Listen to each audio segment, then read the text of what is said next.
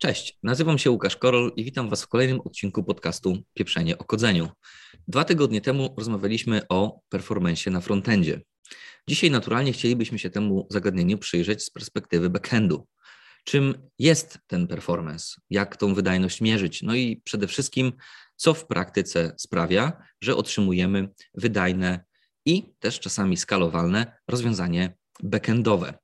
E, o tych zagadnieniach będę chciał porozmawiać z moimi gośćmi, którymi są Antoni Pelka. Cześć Antoni. Cześć, dzięki za zaproszenie. E, Konrad Nowacki. Cześć Konrad. Cześć, witam. E, I Piotr Pałcik. Cześć Piotrek. Hej, cześć wszystkim.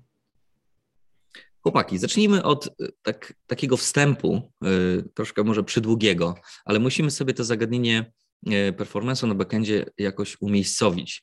I ja zawsze zaczynam myślenie o performance od takiej bardzo szerokiej perspektywy y, użytkownika i tego user experience, którego on doświadcza, czyli takiego performance'u widocznego dla całego naszego rozwiązania czy aplikacji, z której, z której użytkownik korzysta. No i jak wiadomo, na tą wydajność, y, którą odbiera użytkownik, składa się wiele rzeczy. Rzeczy, które nie kontrolujemy, czyli takie jak wydajność jego urządzenia, jak jego otoczenie sieciowe, prędkość internetu i tak dalej, ale też oczywiście na ten finalny performance odbierany przez użytkownika będą miały wpływ rzeczy, które od nas jako, jako wykonawców oprogramowania zależą w dużym stopniu, czyli e, mowa tutaj o tym, jak performuje nasz frontend i, i jak performuje nasz, e, nasz backend. Tak, więc i to jest, więc jak widać, ten performance backendu jest jednym z wielu czynników, które finalnie na ten odbierany przez użytkownika performance będzie miał wpływ. No i właśnie, i teraz e, pytanie jest takie, czy, czy, czy to jest rzeczywiście z tej perspektywy o tyle proste, że sprowadza się do tego, że ten nasz backend odpowiednio szybko pracuje, odpowiednio szybko zwraca informacje i przetwarza informacje czyli wykonuje takie zadania, o, e, jakie chcemy, żeby wykonywał, e, czy może jest to zagadnienie trochę bardziej złożone. I tutaj chciałbym poprosić Antoniego o to, żeby się w tej Dzięki. wiedział. No, zdecydowanie ta szybkość jest takim widocznym efektem wydajności, jaką mamy w systemie. Natomiast wydaje mi się, że najpierw powinniśmy, powinniśmy wziąć taki krok w tył i e,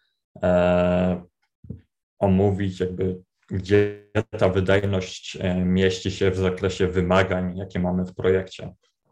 E, na pewno jest nam znane pojęcie wymagań funkcjonalnych i niefunkcjonalnych. Wymagania funkcjonalne to są te wymagania biznesowe, e, mówiące, co ta aplikacja, system powinien robić, jak, powin, jak to powinno operować na danych. E, natomiast wymagania niefunkcjonalne będą mówić nam o e, jakichś atrybutach jakościowych, czyli na przykład wydajności, bezpieczeństwie, niezawodności, rozszerzoności. E, no i należy zwrócić uwagę na to, że oba te typy wymagań są mega istotne w projekcie. Po pierwsze, te, te wymagania biznesowe no, mówią faktycznie, co, co będzie robione. Jeżeli to nie będzie robione, to, to jakby w ogóle neguje sens istnienia aplikacji. Wymagania funkcjonalne mówią, jak dobrze to jest e, robione, e, ale pytanie tutaj jest, czy, czy faktycznie mm, możemy, czy, czy ich potrzebujemy, czy możemy je w jakimś stopniu pomijać, bo jeżeli na przykład mówiąc o szybkości działania, ta szybkość będzie trochę niższa, aplikacja wciąż będzie działać, użytkownicy wciąż będą mogli jej używać. Może będzie to słabsze doświadczenie, ale e, wciąż możemy zarabiać na tym pieniądze, tak? E, oczywiście można tutaj też wpleść temat e, systemów tworzonych na przykład w przemyśle, lotnictwie, w medycynie, gdzie często mówi się o systemach czasu rzeczywistego, gdzie e, ta szybkość, czas działania jest e, kluczowy i jeżeli nie zmieścimy się w jakichś ramach czasu, może stać się na, na przykład coś bardzo złego. Więc mm, to, to są istotne tematy. Mm. I mając to na uwadze, myślę, że wydajność moglibyśmy zdefiniować jako taki wskaźnik, jak dobrze dany system e, spełnia swoje cele w zadanych ramach czasu. E, no i tutaj w głównej mierze będziemy zwracać uwagę na responsywność, i, i stabilność tego systemu. Mm.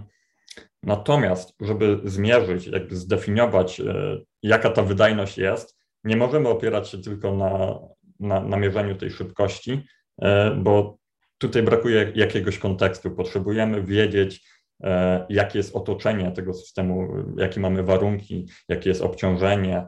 E, no i to sprawia, że to zagadnienie jest wielowymiarowe e, i ciężko jest powiedzieć, czy ta wydajność jest dobra, czy zła, bo to będzie zależeć od takich rzeczy, na przykład jakie mamy dostępne zasoby, ile tych zapytań przychodzi do, do, do naszego serwisu, ile w ogóle danych przetwarzamy i to będzie rezultować w jakimś mm, czasie odpowiedzi, i, i tym, jak ogólnie nasz system będzie się zachowywać.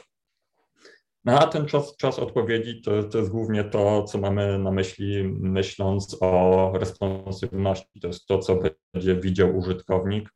Mm, więc, więc jest to istotne, mm, ale no nie jest to jedyna rzecz, bo ważna też jest ta niezawodność, czyli czy to na przykład wymagania biznesowe są realizowane.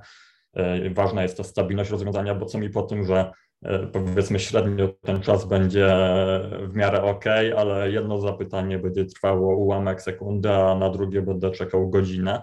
E, to jest bardzo no, niedeterministyczne. Mm. No i, i właśnie myśląc o, o, tych, o, tych, o tej wydajności, nasuwa się teraz pytanie, co jeżeli ona jest zła, jak my możemy to poprawić. No i jeżeli myślimy właśnie o poprawie tej wydajności, to ważny aspekt jest taki, że poprawa wydajności wiąże się z jakimiś kompromisami. Nie możemy sobie za darmo zoptymalizować na naszej aplikacji. Często musimy wybrać coś za coś. E, na przykład e, optymalizując nasz kod, będziemy zmniejszać jego czytelność. Zamiast e, rozmawiać na jakimś wysokim poziomie abstrakcji językiem biznesu, zaczniemy rozmawiać językiem bazy danych, tam select, gwiazdka from tabela, E, jesteś mistrzem SQL-a. E, e, no, więc ocena, czy dobra, e, czy, czy zła, czy, ta, czy ta wydajność jest dobra, czy zła, ona, ona zależy od wymagań, od obciążenia naszego systemu. I, I tutaj musimy to rozpatrywać bardzo szczegółowo na konkretnych przypadkach. No i w zależności od tego systemu, który budujemy, czy to jest system, który wymaga wydajności na jakimś konkretnym poziomie, czy ona jest jakimś elementem drugorzędnym.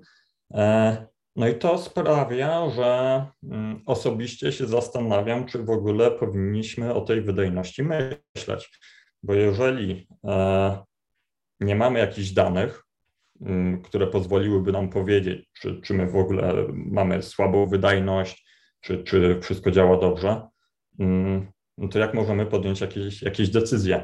Jest takie, takie stwierdzenie, myślę, że dosyć popularne, że e, przedwczesna optymalizacja jest źródłem wszelkiego zła.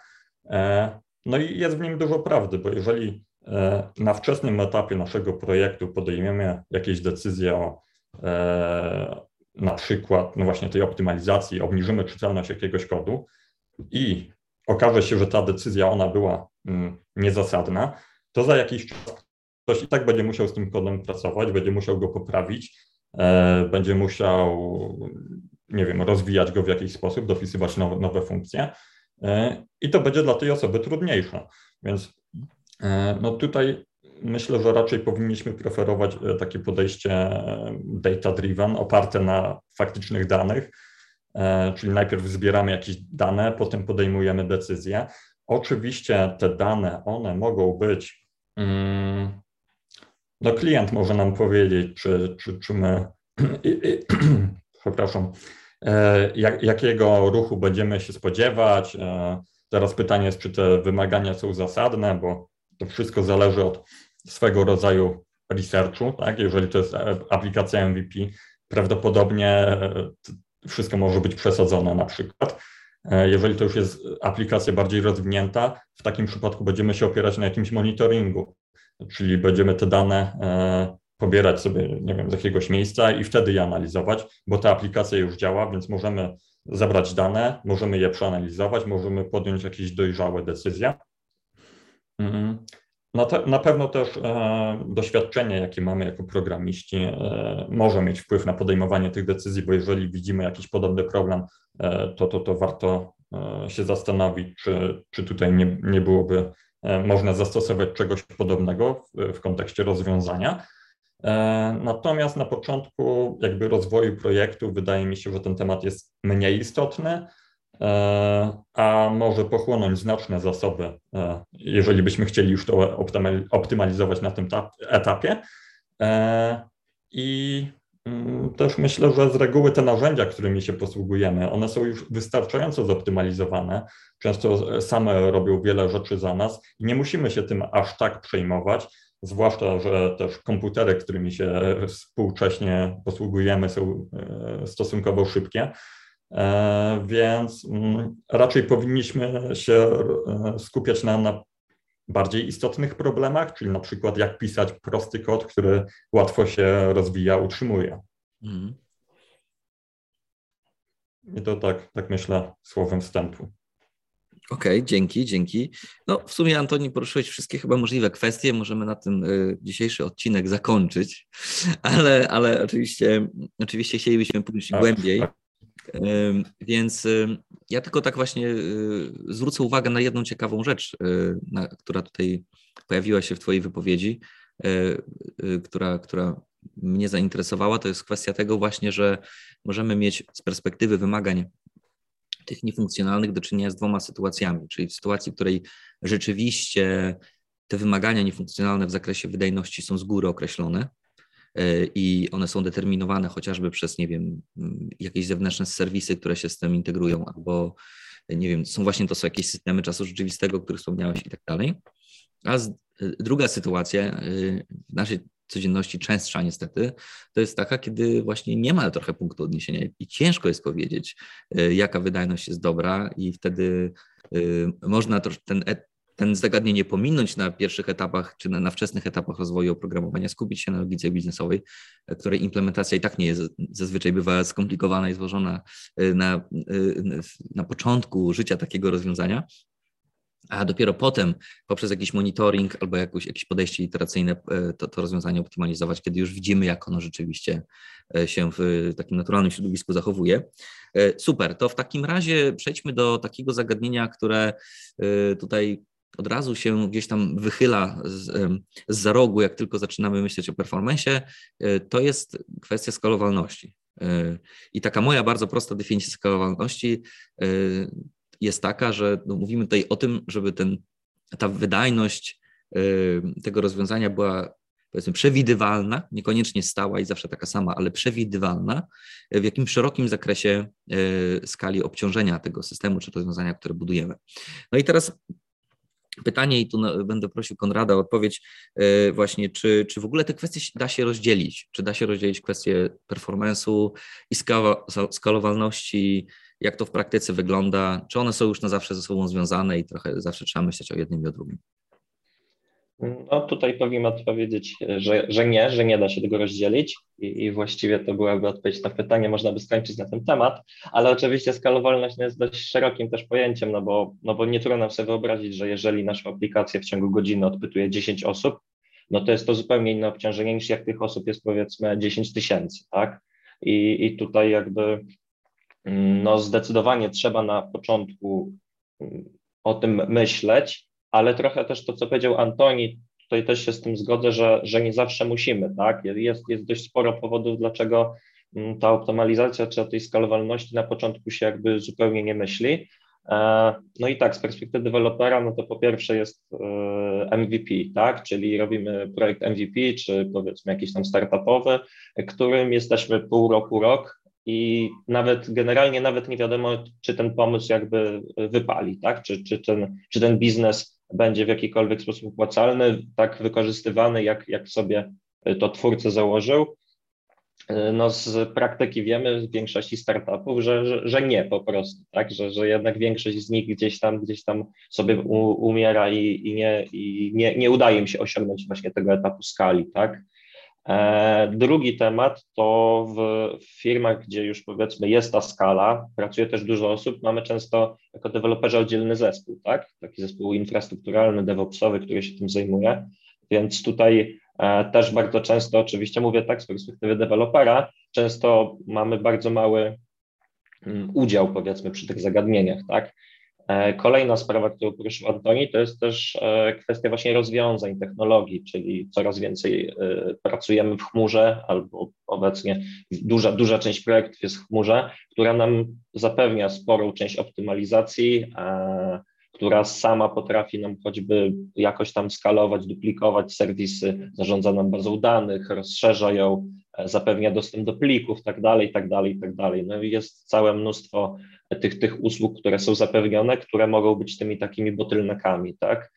E, I tutaj jeszcze tak naprawdę jest jeszcze jedna rzecz, że jeżeli już pracujemy w firmie, która wie, że na początku ta skala będzie od razu duża, e, to bardzo często to nie jest pierwsze rozwiązanie tej firmy, tylko którejś z kolei i ta firma ma już wypracowane jakieś podejście do tego tematu, są, nie wiem, zrobione beta release'y na przykład, tak, które nie tylko i na przykład na konkretne regiony, tak, choćby jest jakaś funkcjonalność wypuszczana, gdzie y, poza oczywiście chęcią sprawdzenia błędów, no jesteśmy też w stanie właśnie przetestować na mniejszym obciążeniu, powiedzmy, w jaki sposób ta, y, ta aplikacja się zachowuje.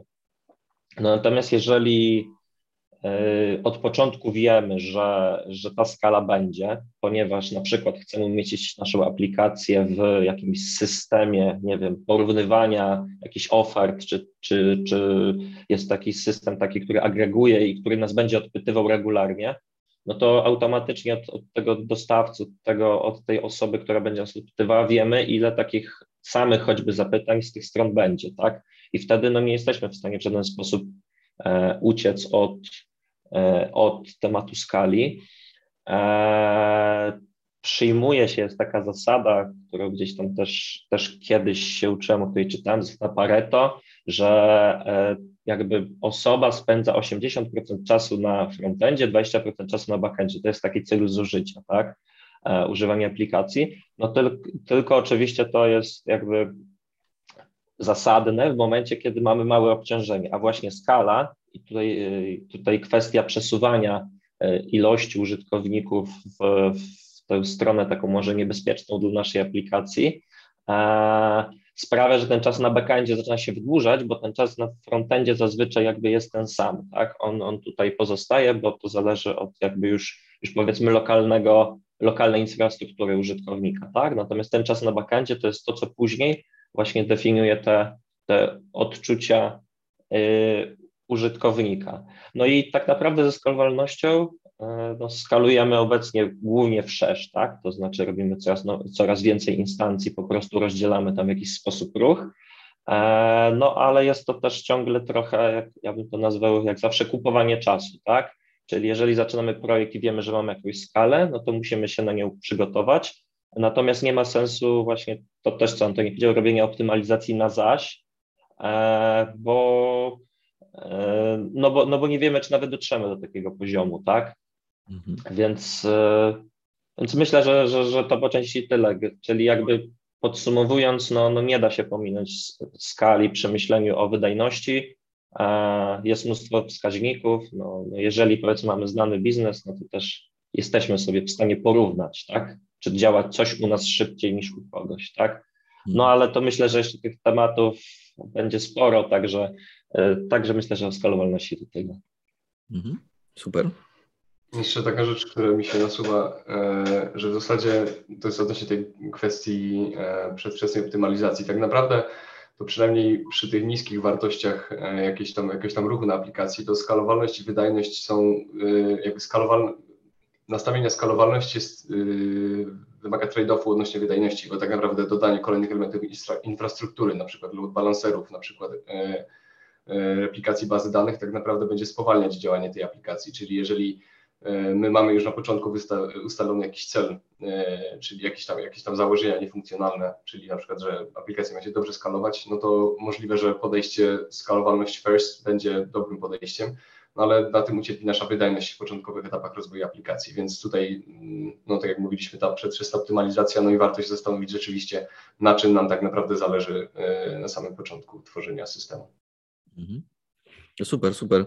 E, fajnie, to wszystko zaczyna się bardzo ładnie układać i rozjaśniać.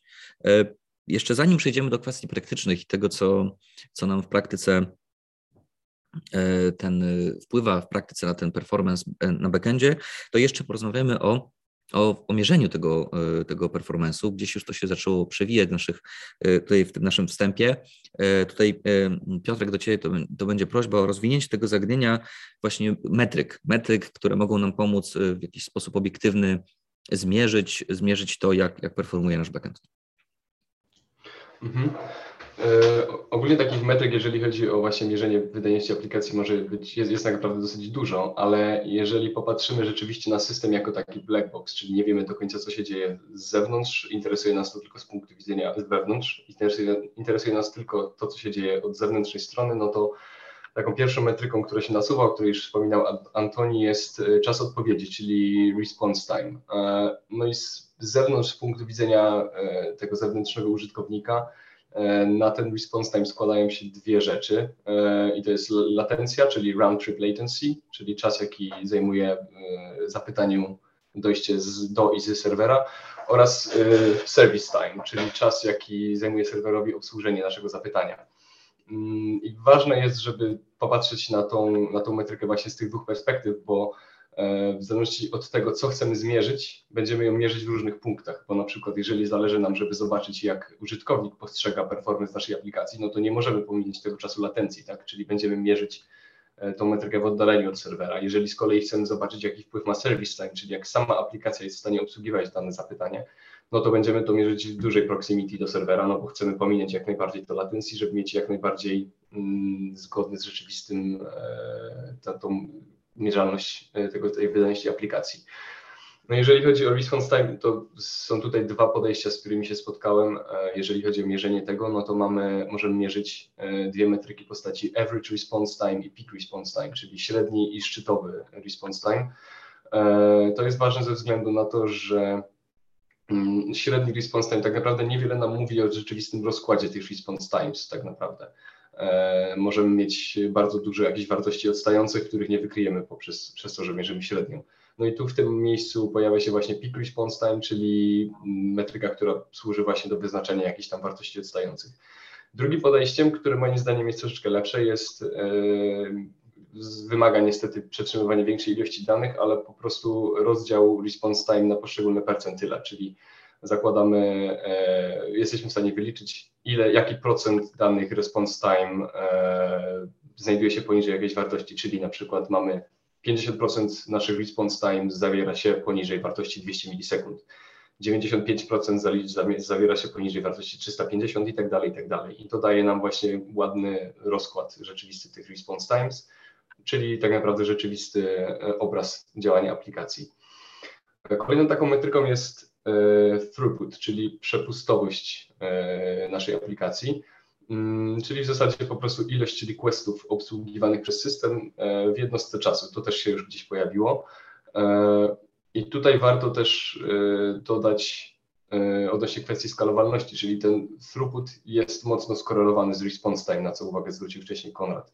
E, czyli ta początkowo liniowa zależność, czyli wzrasta nam stopniowo ten throughput, zwiększają się, zwiększa się ilość requestów, zmaleje nam response time, no bo te requesty zatrzymują się w kolejce do procesora, w kolejce do operacji wejścia, wyjścia na dysku i tak dalej.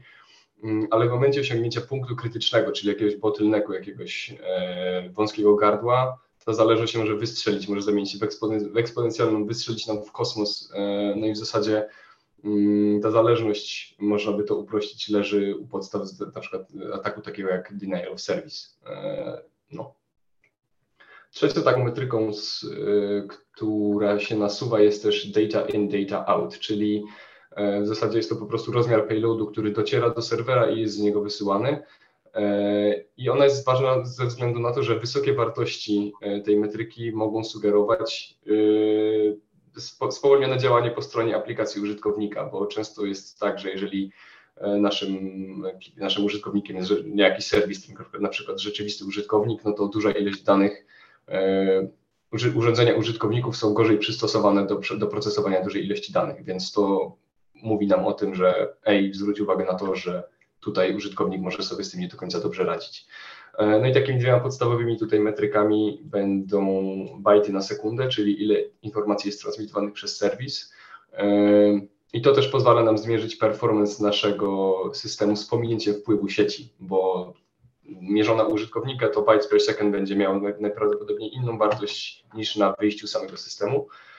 I drugim takim elementem jest bytes per request, e, czyli średnia czy tudzież te wspomniane wcześniej percentyle danych transmitowanych z każdym requestem. E, dwie metryki, o których chciałbym jeszcze krótko wspomnieć, które nie dotyczą stricte performance'u, ale są istotne, jeżeli chodzi o punkt widzenia właśnie użytkownika, to, to są to mm, uptime, czyli procent czasu, przez który serwis jest dostępny i to może być ważne dla nas jako e, deweloperów z punktu widzenia na przykład Service Level Agreement. E, chcemy, żeby ta aplikacja, i to jest właśnie to wymaganie niefunkcjonalne. Chcemy, żeby ta aplikacja przez tyle i tyle procent czasu była responsywna.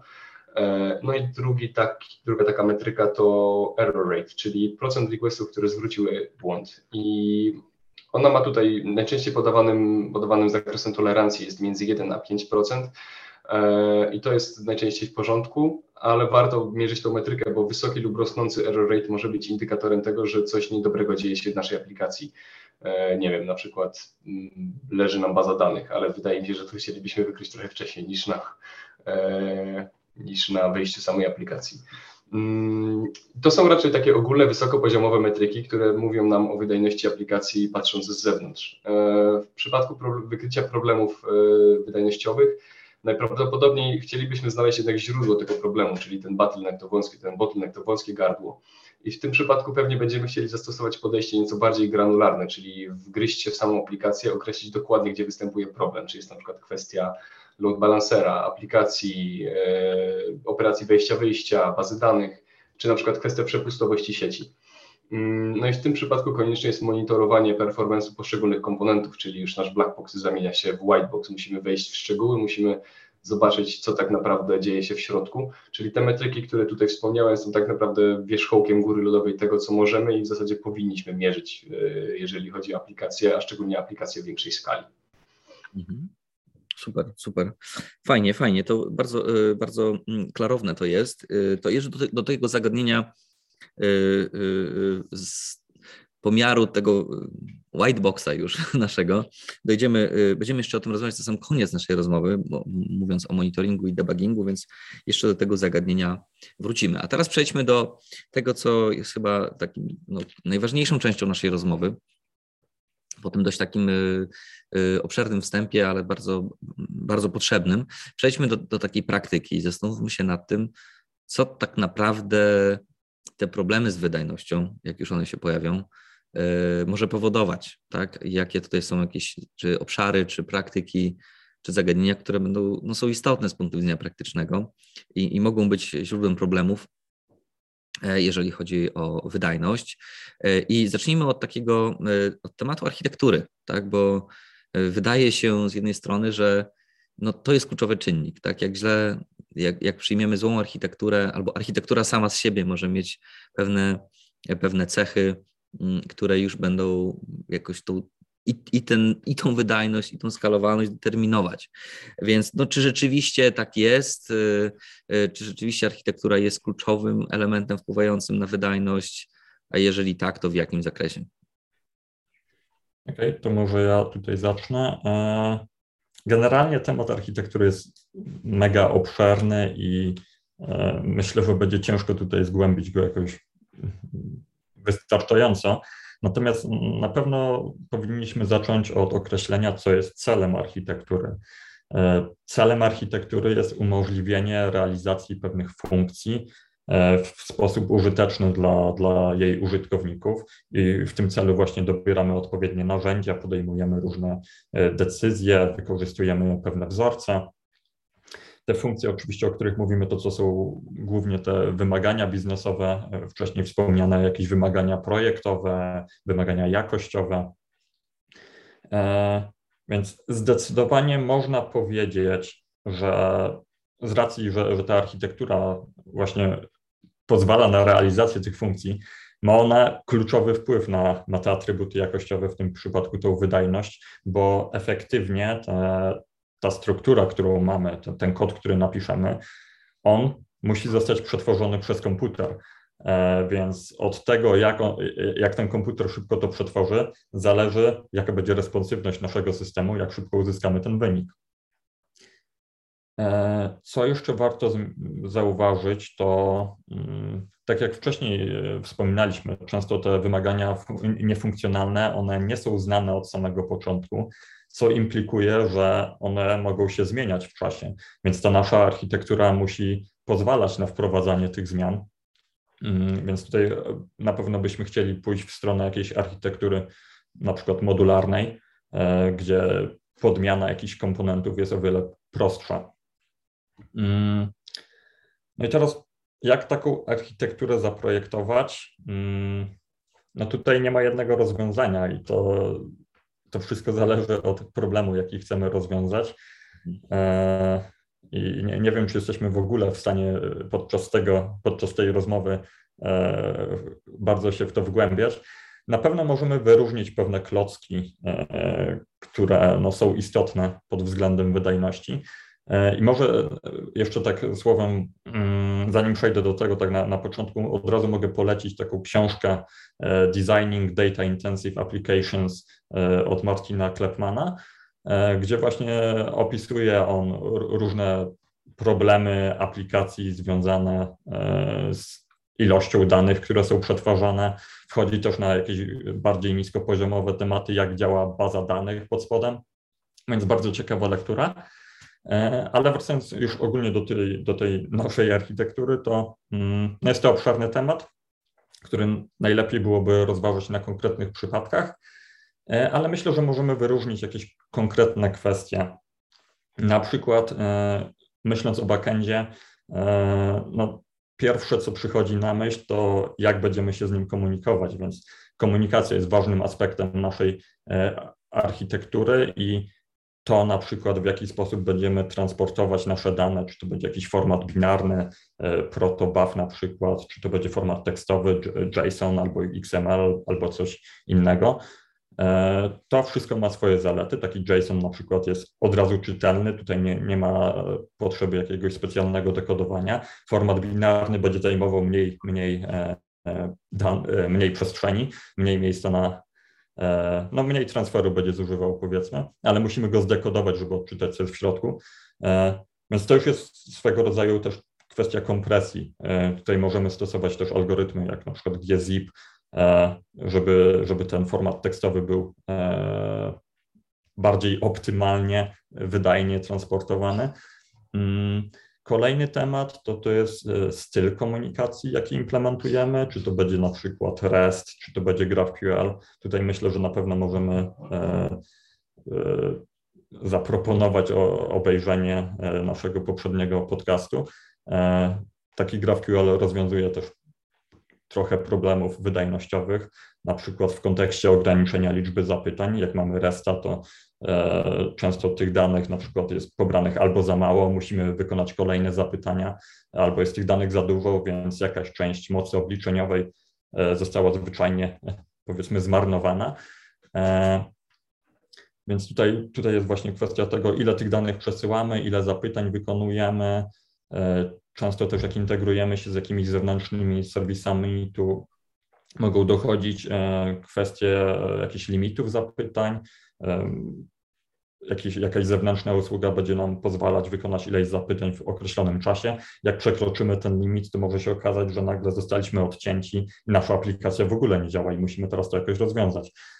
E, kolejny temat, kwestii walidacji to wszelkie, wszelakiej maści, e, wszelakiej maści szyfrowania, jakieś walidacje dodatkowe.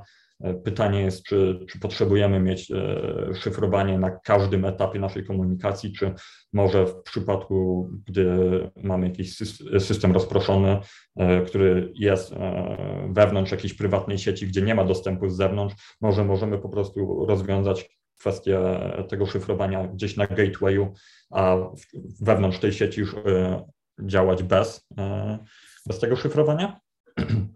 Więc to myślę, że w kontekście komunikacji. Nie wiem, czy tutaj ktoś chciałby coś dodać. Jeżeli nie, to mogę przejść do następnego kroku. Nie. E, dobrze. E, więc kolejny temat to, to jest e, kwestia samej architektury aplikacji, jak napiszemy ten nasz kod. No i tutaj e, za dużo myślę, że znowu nie możemy powiedzieć, bo to zależy od projektu, jakie są nasze wymagania biznesowe. E, natomiast na pewno myślę, że tutaj się trochę powtórzę, ale powinniśmy zwracać bardziej uwagę na to, żeby ten nasz kod był wpierw czytelny, e, żeby on był rozwijalny, bo jeżeli na ten moment nie mamy problemów z wydajnością, ale one się pojawią w przyszłości, to w przyszłości będziemy mieć już te dane, na, których, na, na podstawie których możemy podjąć bardziej dojrzałe decyzje. I jeżeli ten kod będzie fajny, e, czytelny, rozwijalny, utrzymywalny, to wprowadzenie tych zmian nie będzie problemem. E, natomiast myślę, że możemy się wciąż skupić na kilku aspektach złożoności tej architektury. Na pewno no w większości systemów pracuje się na jakichś architekturach warstwowych. E, trzeba mieć z tyłu głowy, że kolejne abstrakcje, dodawanie kolejnych warstw to jest dodatkowy kod e, i on będzie pochłaniał pewne zasoby. Jak duże, to zależy, ile tego kodu tam będzie, co on będzie robił.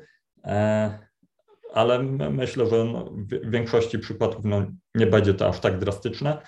Warto o tym pamiętać. Też kwestia używania wzorców projektowych. Ich celem głównie jest właśnie zwiększenie czytelności, utrzymywa, utrzy,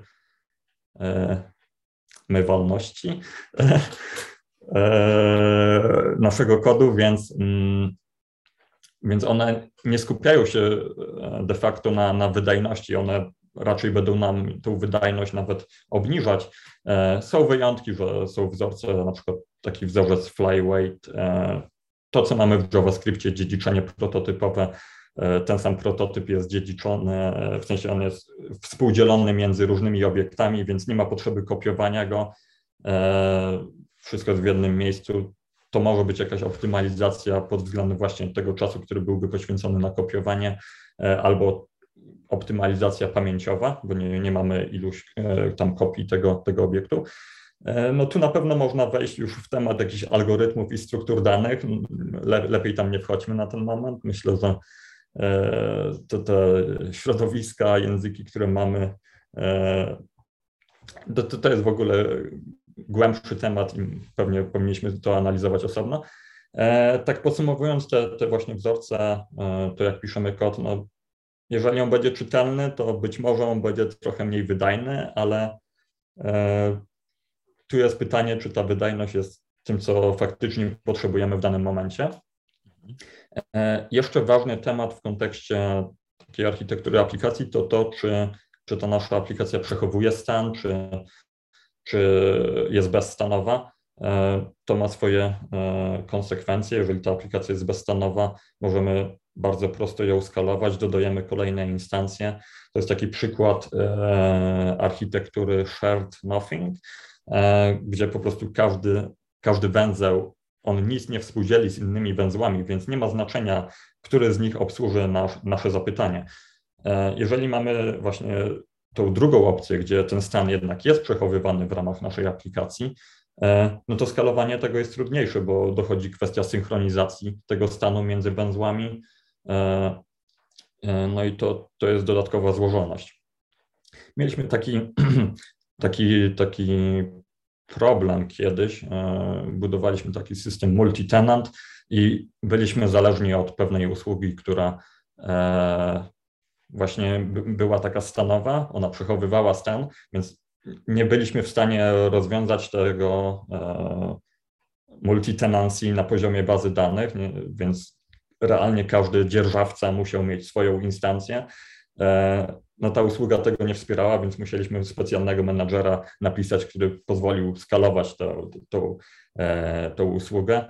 E, też tam dochodziła kwestia e, utylizacji zasobów, pamięci i tak dalej, no bo to każda instancja ona swój, udział na, na, na, tym serwerze miała w użyciu pamięci.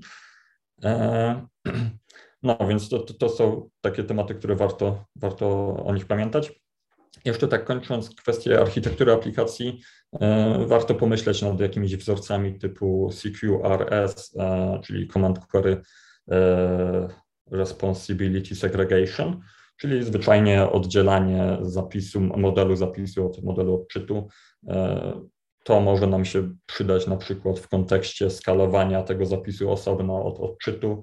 E, jeżeli chodzi też o skalowanie odczytu, e, jest takie, e, to, to taki wzorzec nazywający się reporting database, gdzie załóżmy, że mamy przykładowo jakiś, nie wiem, zespół analityków, którzy co jakiś czas wykonują jakieś bardzo złożone zapytanie na, na naszej bazie danych, co obniża znacząco wydajność naszej bazy.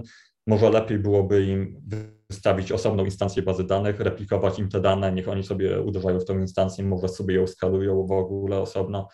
E, więc to, to jest warte też e, rozważenia. No można tutaj na pewno powiedzieć, że ten dobór infrastruktury e, ma znaczący wpływ na ogólną wydajność, bo prawda jest taka, że nasz system będzie tak, tak wydajny, jak wydajne jest jego najsłabsze ogniwo. Czyli jeżeli będziemy mieć super wydajną aplikację, ale wybierzemy na przykład jakąś e, mało wydajną bazę danych, e, no to tam będzie te, te wąskie gardło. Mhm. Mm. Mm. Kolejny temat, myślę, który warto poruszyć, to jest rozproszenie systemu. E, no i tutaj można się też odwołać troszkę do tego, co Piotr wspominał odnośnie dodawania kolejnych elementów infrastruktury. E, dodawanie, jakby rozpraszanie tego systemu, ono będzie się wiązać z dodatkowym skomplikowaniem systemu. Dochodzi, dochodzi kwestia jakiejś bardziej zaawansowanej komunikacji, synchronizacji między różnymi komponentami, dochodzi opóźnienie, no bo każdy komponent musi się skomunikować z tym drugim. Więc może tak zaczynając y, od monolitu, monolit, no to wiadomo, wystawiamy sobie coś na, na jednym serwerze, e, wszystko jest fajnie, transakcje mamy, komunikacja bezproblemowa, w ogóle nie musimy sieci używać, możemy wywołać funkcję z innego modułu w ramach tej aplikacji. E, jeżeli chodzi o skalowanie, jeżeli jest bezstanowy, nie ma problemu, dodajemy kolejne instancje i nie ma znaczenia, który, e, który z tych monolitów będzie nam, w sensie, która instancja będzie nam obsługiwać te zapytania. Wiadomo, to ma też swoje wady, kwestia jakiegoś e, wystawiania tych zmian. Musimy wystawić go jako całość, nie możemy sobie granularnie e, wystawiać poszczególnych modułów. E, no i tutaj mogą nam przyjść z pomocą mikroserwisy, natomiast jest takie, myślę, złudne przeczucie, że mikroserwisy zwiększają wydajność, a prawda jest jest zupełnie na odwrót. Jeżeli my rozpraszamy sobie ten system, dochodzi więcej tych instancji yy, i też różnych serwisów, no to one muszą się ze sobą komunikować. Dochodzi właśnie kwestia, że jeden serwis musi odwołać się do drugiego, tam jest czas pomiędzy. Ta sieć też może być zawodna, yy, więc yy, tu należy się zastanowić, czy, czy to nam faktycznie pomoże. E, taki przykład, gdzie te mikroserwisy nam pomogą, to są, mm, to jest przykład, gdzie e, potrzebujemy zrównoleglić jakieś obliczenia, tak? Jeżeli my sobie zrównoleglimy te, te obliczenia, to w sensie jest taki przykład, że możemy go zrównoleglić, no to wtedy mamy ileś instancji, które równolegle przetwarzają ileś różnych rzeczy. E, może, może, żeby tutaj nie wchodzić głębiej, to odwołam do e, takiego fajnego nagrania z prezentacji Martina Fowlera e, o nazwie Microservices. E, to można znaleźć na YouTubie, gdzie właśnie on porównuje tą architekturę monolityczną z architekturą mikroserwisów i właśnie tam przedstawia zalety podejścia monolith first. Mm, jak już omówiliśmy mikroserwisy, no to kolejny temat to, to jest ten serverless, lambdy. To jest jeszcze niższy, jakby jeszcze większa granulacja. Y, to jest o wiele bardziej skalowalne, jeżeli chodzi o obliczenia takie równoległe. Możemy sobie tych y, zapytań, podejrzewam, że Amazon nam powie, że nieskończenie wiele e, e, obsługiwać. Natomiast to ma swoje wady, tak? Po pierwsze kwestia tego narzutu e, infrastruktury, który, którą trzeba skonfigurować, mhm. Mm, ale też taka lambda, ona nie, nie, nie działa cały czas, ona ma te swoje cold starty zimny start, więc tu może dojść nam jakieś opóźnienie, więc trzeba na to zwrócić uwagę. Ważny temat też w kontekście rozproszenia systemu to, to jest to, że tak jak wcześniej wspominaliśmy o tych kompromisach, przy systemach rozproszonych musimy wybierać między spójnością a dostępnością jeżeli chcemy bardziej spójny system, e, tak powiedzmy w, w, w, danym momencie, e, no to przeznaczamy jakiś czas na synchronizację tych węzłów ze sobą. E, jeżeli ta, ta spójność może być końcowa albo w ogóle jakaś jeszcze inna, no to możemy zwiększyć tą dostępność, tak? czyli ta, ta wydajność wtedy też nam może urosnąć. No jak mamy ileś instancji, no to tu to jest właśnie kwestia skalowania, czyli potrzebny jest jakiś load balancer, który, tak jak Piotr, Piotr wspominał, to jest dodatkowy narzut, e, ale on będzie nam rozprowadzał ten ruch tak, jak będziemy chcieli. No i tutaj na pewno można by wymienić kilka algorytmów, ale to już pominimy może. E, jeżeli chodzi o kwestię jakichś kosztownych zapytań, no to pewnie będziemy korzystać z jakiegoś cache'a. E, jeżeli mamy aplikację ze stanem, E, czasem może się okazać, że nie jesteśmy w stanie e, tego fajnie wyskalować i e, użytkownik będzie musiał użyć jakiegoś mechanizmu takiej lepkiej sesji, sticky sessions, gdzie dany klient będzie łączył się z konkretną instancją naszego serwera. No więc tak już podsumowując, no, wszystko tutaj jest kompromisem. Możemy sobie poprawić wydajność aplikacji w jednym miejscu, ale kosztem, nie wiem, zwiększonego zużycia, w in, zużycia pamięci w innym, e, albo jakiś, jakiegoś dodatkowego opóźnienia. E, więc najlepiej jest najpierw wszystko sobie zmierzyć i dopiero wtedy myśleć e, właśnie, jaki mamy problem i, i go próbować rozwiązać, no bo po co rozwiązywać coś, czego nie ma, tak? Mhm. I to myślę, że tak Super, super. No, wydaje się to dość wyczerpujące. Ale te, te... Mi się tutaj też jeszcze jeden temat skojarzył, tak jak, jak rozmawialiśmy o architekturze, to, to jest jednak kwestia chyba, która taka się rodzi, że, że architekturę i jakby tę wydajność troszeczkę łatwiej jest nawet zepsuć niż naprawić, tak? To znaczy dużo łatwiej da się zrobić, tak byśmy go nazwali, przekombinowany system, jakby zbyt skomplikowany, który właśnie będzie choćby mm. zbyt granularny, zbyt rozproszony, gdzie te ilość tych operacji pomiędzy powiedzmy na przykład mikroserwisami, czy tam lambdami, czy cokolwiek, cokolwiek mamy, to już zależnie od, od tej infrastruktury, e, no, zje nam te korzyści, które byśmy mieli, gdybyśmy zrobili to po prostu monolitycznie, tak? I to jest właśnie ten balans, o którym mówi Antoni, między czytelnością a, a, a trochę jakby szybkością działania, że, że, że, że zawsze gdzieś tam trzeba, trzeba to balansować, no bo też gdybyśmy chcieli szybko, to pewnie byśmy pisali w assemblerze albo w innym języku tak niskiego poziomu, no tak. bo by było najszybciej. Wszystkie obliczenia by się wykonywały super szybko, no ale utrzymywalność przy klasach, przy podejściu obiektowym, no wiemy, że, że jest dużo lepsza. Mhm. Jeszcze mam taką też krótką uwagę, mam nadzieję krótką. E, zacznę może tak przewrotnie od tego, że no backend nie jest pisany dla samego napisania backendu, tak? On ma pełnić jakąś funkcję, żeby go gdzieś użyć. No i teraz nasuwa mi się przykład taki, który miałem jakiś czas temu przy jednym z projektów, czyli mieliśmy odczytywać, e, jakby frontend potrzebował, potrzebował po prostu zaciągnąć dane, tak? No ale okazało się, że te dane nie są łatwo dostępne pod jednym endpointem, tylko coś jest tutaj, coś jest tutaj, coś jest tutaj, tak? No, czyli w efekcie frontend musiał wysyłać 10 requestów, żeby wyświetlić jeden widok. No i teraz backend jest zoptymalizowany, te requesty wykonują się bardzo szybko. Frontend jest na tyle zoptymalizowany, na ile pozwala mu backend.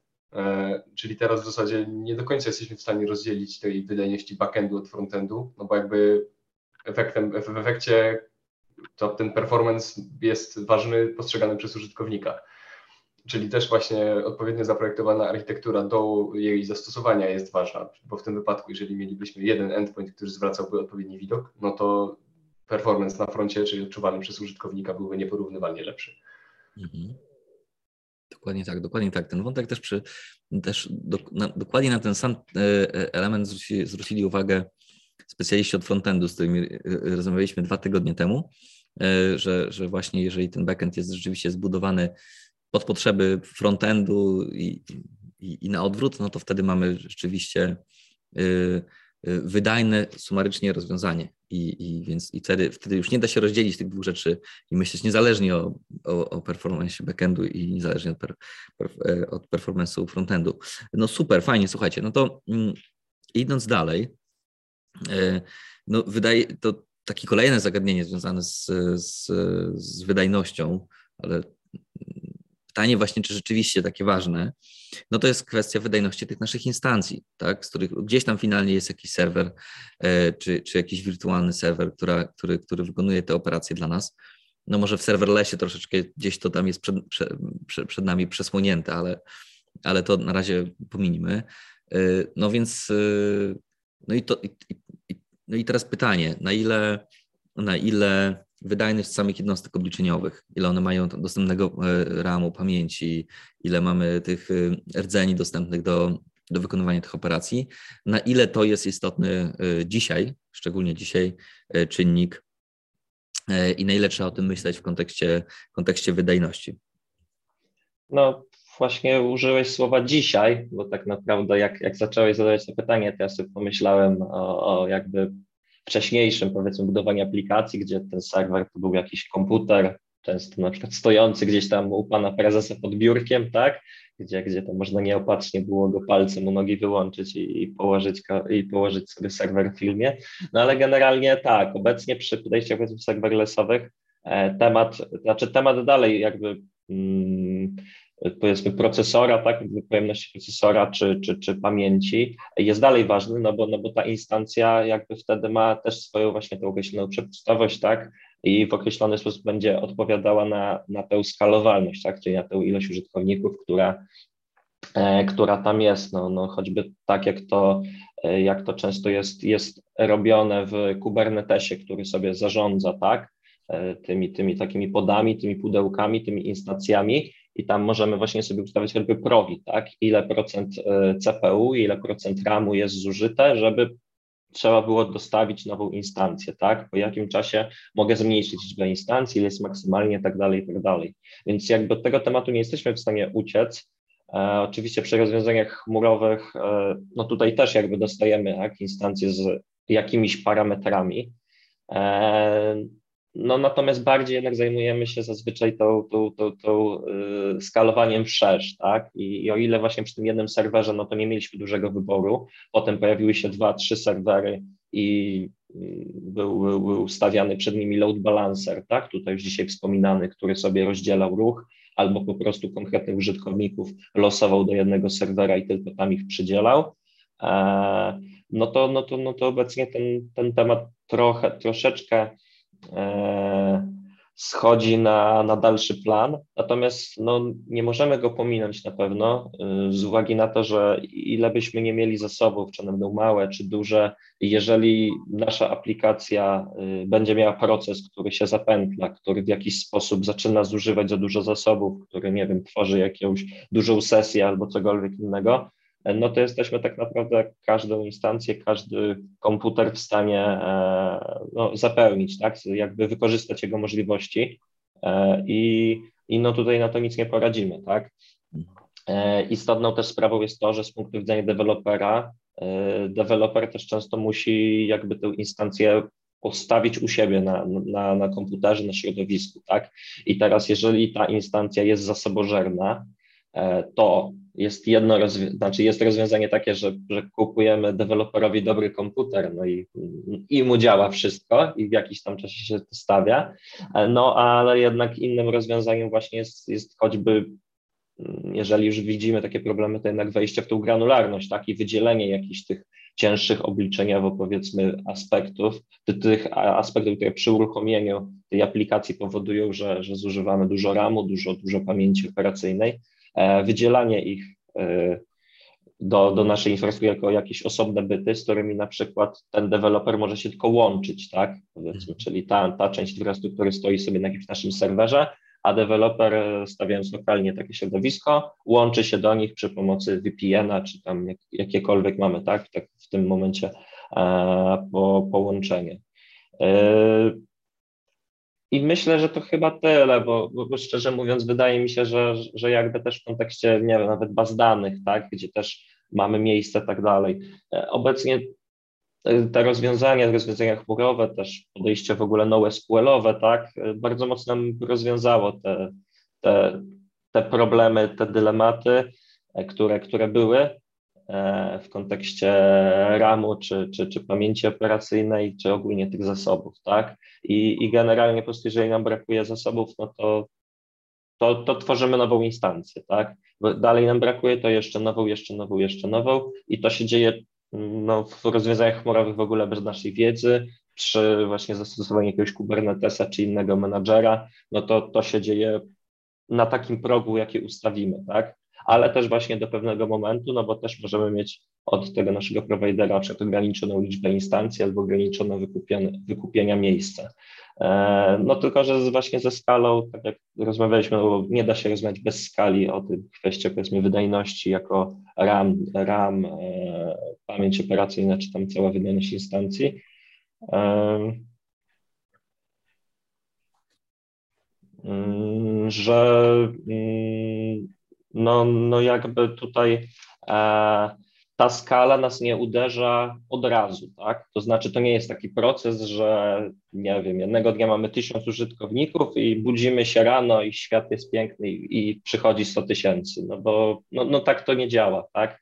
Może tak być, tak jak mówiłem w przypadku biznesu, gdzie rzeczywiście jest ten zewnętrzny odpytywacz, ta osoba, która nas odpytuje, która chce nasze wyniki zapytań, bo wrzuca nas w jakieś listy, w jakieś wyszukiwania itd., tak itd. Tak Natomiast no no to już jest wtedy, to dalej jest jakby kwestia stabilna, ponieważ no, no wiemy od kiedy powiedzmy ten zewnętrzny serwis zacznie nas odpytywać, bo to jest umowa i tak dalej, i tak dalej. Więc, e, więc to są wszystko raczej takie procesy powolne. E, no i często, jeżeli nie robimy stricte utrzymania, właśnie ich, ich nie dotykamy, tak. Mhm. Tutaj w kontekście e, tych baz danych wraca ten temat e, przechowywania właśnie stanów aplikacji, bo czasem e, skalowanie tego no nie będzie możliwe wszerz, tylko będziemy faktycznie musieli pójść w górę. I tutaj taki przykład, no to myślę, że nawet sztandarowy to skalowanie zapisu w bazach relacyjnych. To jest tak skomplikowany proces, że no, Czasem musimy po prostu oprzeć się na tym, że dołożymy tego RAMu, dołożymy tego e, CPU. E, natomiast też jeszcze, jeszcze drugi ważny element jest taki, że jeżeli będziemy skupiać się tylko na, na używaniu lepszej, lepszych e, instancji, lepszego sprzętu, no to tworzy nam się też taki single point of failure. Nie idziemy wszerz, nie zwiększamy tej do, do, dostępności aplikacji, E, więc je, jeżeli nie pomyślimy właśnie o, o, o, tym, to może się skończyć tak, że ten serwer nam padnie i aplikacja w ogóle przestanie działać. Mhm. Mam jeszcze y, jakby performance swoją drogą, nim się teoretycznie nie musimy do końca przejmować obecnie, jak mamy, mając dostęp do chmury, tak, bo tak jak powiedział Konrad, możemy sobie zrobić 10 tysięcy instancji i wszystko będzie ok. No tylko, że jakby performance wchodzi w miejscu, w którym trzeba zapłacić za te 10 tysięcy instancji, tak? Raczej chcielibyśmy, żeby aplikacja nie potrzebowała 10 tysięcy instancji, bo po prostu zapłacimy za to x milionów dolarów, e, więc performance, optymalizacja tego performance'u jest też ważna z, tego punktu widzenia. Także chmura jest spoko, ale jest też droga, jednym trzeba pamiętać. Mhm. Dokładnie, dokładnie. Super, fajnie. No to już y, naturalnie nam wypłynął temat baz danych. E, I e, z mojego doświadczenia, ale ono właśnie już tak jest trochę po terminie przydatności, niestety. E, no, pamiętam takie czasy, gdzie tak naprawdę tym bottleneckiem największym, tak w praktyce, no to, to była ta baza danych. Tak więc chciałem Was zapytać, jak to może jest dzisiaj i na ile właśnie i dobór rodzaju bazy danych, czy, czy w ogóle środka, w którym trzymamy te dane, i jego jakaś wiem, struktura, na ile dzisiaj dalej jest takim tematem, który mm, potencjalnie może ten, stać się tym e, bottleneckiem e, performance'owym. Hmm. No ja zacznę może. No to nie ma co ukrywać, że te współczesne systemy aplikacji, one opierają się na danych i to w ogromnych, ogromnych ilościach. Więc właśnie dobór tego rozwiązania, w jaki sposób ono przechowuje dane, jak je przetwarza, jest mega istotny w kontekście e, wydajności. Mm, na pewno należy zacząć od tego, w jaki sposób przetwarzamy dane. Czy to jest jakieś przetwarzanie analityczne, gdzie generujemy jakieś raporty, czy to jest przetwarzanie transakcyjne, gdzie właśnie obsługujemy taki ruch zapytanie-odpowiedź, czyli prawdopodobnie takie najpopularniejsze zjawisko w, internecie, e, czy też jakieś przetwarzanie seryjne, gdzie przetwarzamy jakieś dane partiami, e, może nawet równolegle.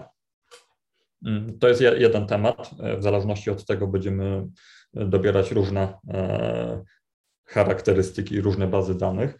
No i spośród tych typów baz danych możemy wyróżnić naprawdę wiele. Raczej skupimy się tylko na na tych takich popularniejszych, czyli właśnie jakieś bazy relacyjne, e, bazy dokumentowe, bazy NoSQL, bazy grafowe, też jakieś inne bazy specjalistyczne, e, może jakieś rozwiązania data warehouse. E, no, typów jest dużo, mm, więc znowu to zależy, jaką aplikację budujemy i, i co ona będzie robić. Może skupmy się na razie na, na tych rozwiązaniach relacyjnych, nierelacyjnych. Na pewno wśród zalet rozwiązań relacyjnych jest e, czytelność interfejsu. Mamy sobie encję, mamy sobie e, relacje między tymi encjami, używamy jakiegoś e, deklaratywnego języka typu SQL, więc myślę, że praca z taką bazą danych jest stosunkowo przyjemna. Często też e, projektując e, bazy właśnie e, relacyjne, zwraca się szczególną uwagę na normalizację tych danych, czyli zwyczajnie na to, żeby nie mieć redundantności w, tej, w tych strukturach, bo to wiąże się z tym, że na przykład musimy sobie, żeby te dane były spójne, musimy je aktualizować w wielu miejscach. Też, też tutaj do optymalizacji można sobie, wiadomo, otworzyć jakieś e, widoki zmaterializowane. E, I takim dużym plusem, e, chociaż myślę, że współcześnie on nie jest takim, bazy relacyjne nie są jedynym dostawcą tego rozwiązania, ale jest taki ścisły schemat danych, gdzie możemy sobie po prostu ustalić, jaki jest model, jakie będziemy mieć typy i ta baza danych będzie tego pilnować. No ale z tym wszystkim wiążą się pewne wady. E, niektóre zapytania są naprawdę złożone, e, zwłaszcza jeżeli chodzi o jakieś złączenia. E, one są kosztowne, złączenia między tabelami, one są kosztowne, więc tutaj można na pewno mocno się przejechać na tej wydajności, pisząc jakieś mało optymalne zapytanie. Mm, słaba skalowalność zapisu to już jest coś, co, co wspominaliśmy. E, jest to trudne w bazach relacyjnych ze względu właśnie na potrzebę utrzymania tam wszystkich jakichś więzów integralności. E, jest taki wyjątek, wyjątek e, ogólnie od Amazona. Oni mają tu swoją bazę Aurora, gdzie jest możliwa konfiguracja multimaster gdzie właśnie mamy kilka instancji tego, tego węzła, do którego może następować zapis. E, oni tam jakąś technologię zastosowali, że te, te instancje są połączone specjalnym łączem, które jest o wiele szybsze e, i co pozwala na komunikację między tymi węzłami, więc e, one tam mogą dojść do wniosku, czy, czy ta zmiana powinna zostać wprowadzona, czy nie, mm, i tam odrzucić jakąś transakcję na przykład. E, przechodząc do zalet baz nierelacyjnych, no to tutaj mamy na pewno świetną skalowalność, która wynika z tego, że operujemy wbrew pozorom na prostych danych. To jest kwestia wsadzenia obiektu, dokumentu do bazy albo odczytania go. Tu raczej nie, nie wchodzimy w kwestię jakichś złączeń, pobierania danych z kilku kolekcji. To jest możliwe, chociaż porównując to z, z zastosowaniami relacyjnymi jest e, stosunkowo ograniczone. Mm, często też te bazy, właśnie przez ten fakt, że te dane są bardzo lokalne, mamy jeden dokument, gdzie e, różne elementy no po prostu są koło siebie, te, te bazy udostępniają pewne jakieś specjalistyczne operacje, które pozwalają nam manipulować te dane bardziej dynamicznie no i mówiąc o dynamiczności, no tutaj często też jest to takie podejście schemaless, gdzie nie mamy po prostu jakiegoś szczególnego typu. To można rozwiązywać na różne sposoby. Niektóre bazy danych mają właśnie wsparcie na takie coś, albo możemy to sobie rozwiązać na poziomie aplikacji. Na co bym tutaj szczególnie zwracał uwagę ogólnie w tych, tych bazach danych, no to kwestia wyszukiwania, jak szybko ten silnik jest w stanie znaleźć te, te dokumenty, rekordy. No i do tego przydatne są indeksy, więc e, trzeba sobie analizować, jakie zapytania wykonujemy, gdzie może się przydać jaka, jakiś taki do, do, dodatkowa tablica, e, gdzie ta baza danych sobie sprawdzi, że o ja szukam tego rekordu, to on powinien gdzieś być tutaj. E, to oczywiście ma swój koszt, bo takie indeksy po pierwsze one kosztują pewien czas, żeby powstać, więc gdzieś tam na przykład przy zapisie ten indeks jest aktualizowany, a do tego zajmują miejsce na dysku, więc to, to ma też swoje koszty. Jeżeli chodzi o samą spójność danych, transakcje są kosztowne, więc tutaj mo możemy się zastanowić, czy nasza logika w ogóle wymaga transakcji. Tak jak wcześniej wspominałem jeszcze przy, przy komunikacji ogólnie, e, istotne jest, żeby tych zapytań robić tyle, ile potrzeba, e, więc trzeba się zastanowić, czy pobieramy wystarczającą ilość danych, czy nie jest ich za dużo, czy nie można by jakichś kilku zapytań połączyć w jedno. Trzeba też uważać, czy na przykład jak robimy sobie złączenia, czy nie wychodzi jakiś iloczyn kartezjański, gdzie jeszcze jedna część tego iloczynu to jest jakieś podzapytanie, które będzie wywołane na każdym z rekordów. Tutaj pewnie jeszcze można by wejść w temat w ogóle używania kursorów e, w bazach danych, ale to już jest bardzo niskopoziomowe. Hmm, przypominają mi się jakieś właśnie przykłady, gdzie jakieś problemy mieliśmy z z bazą danych.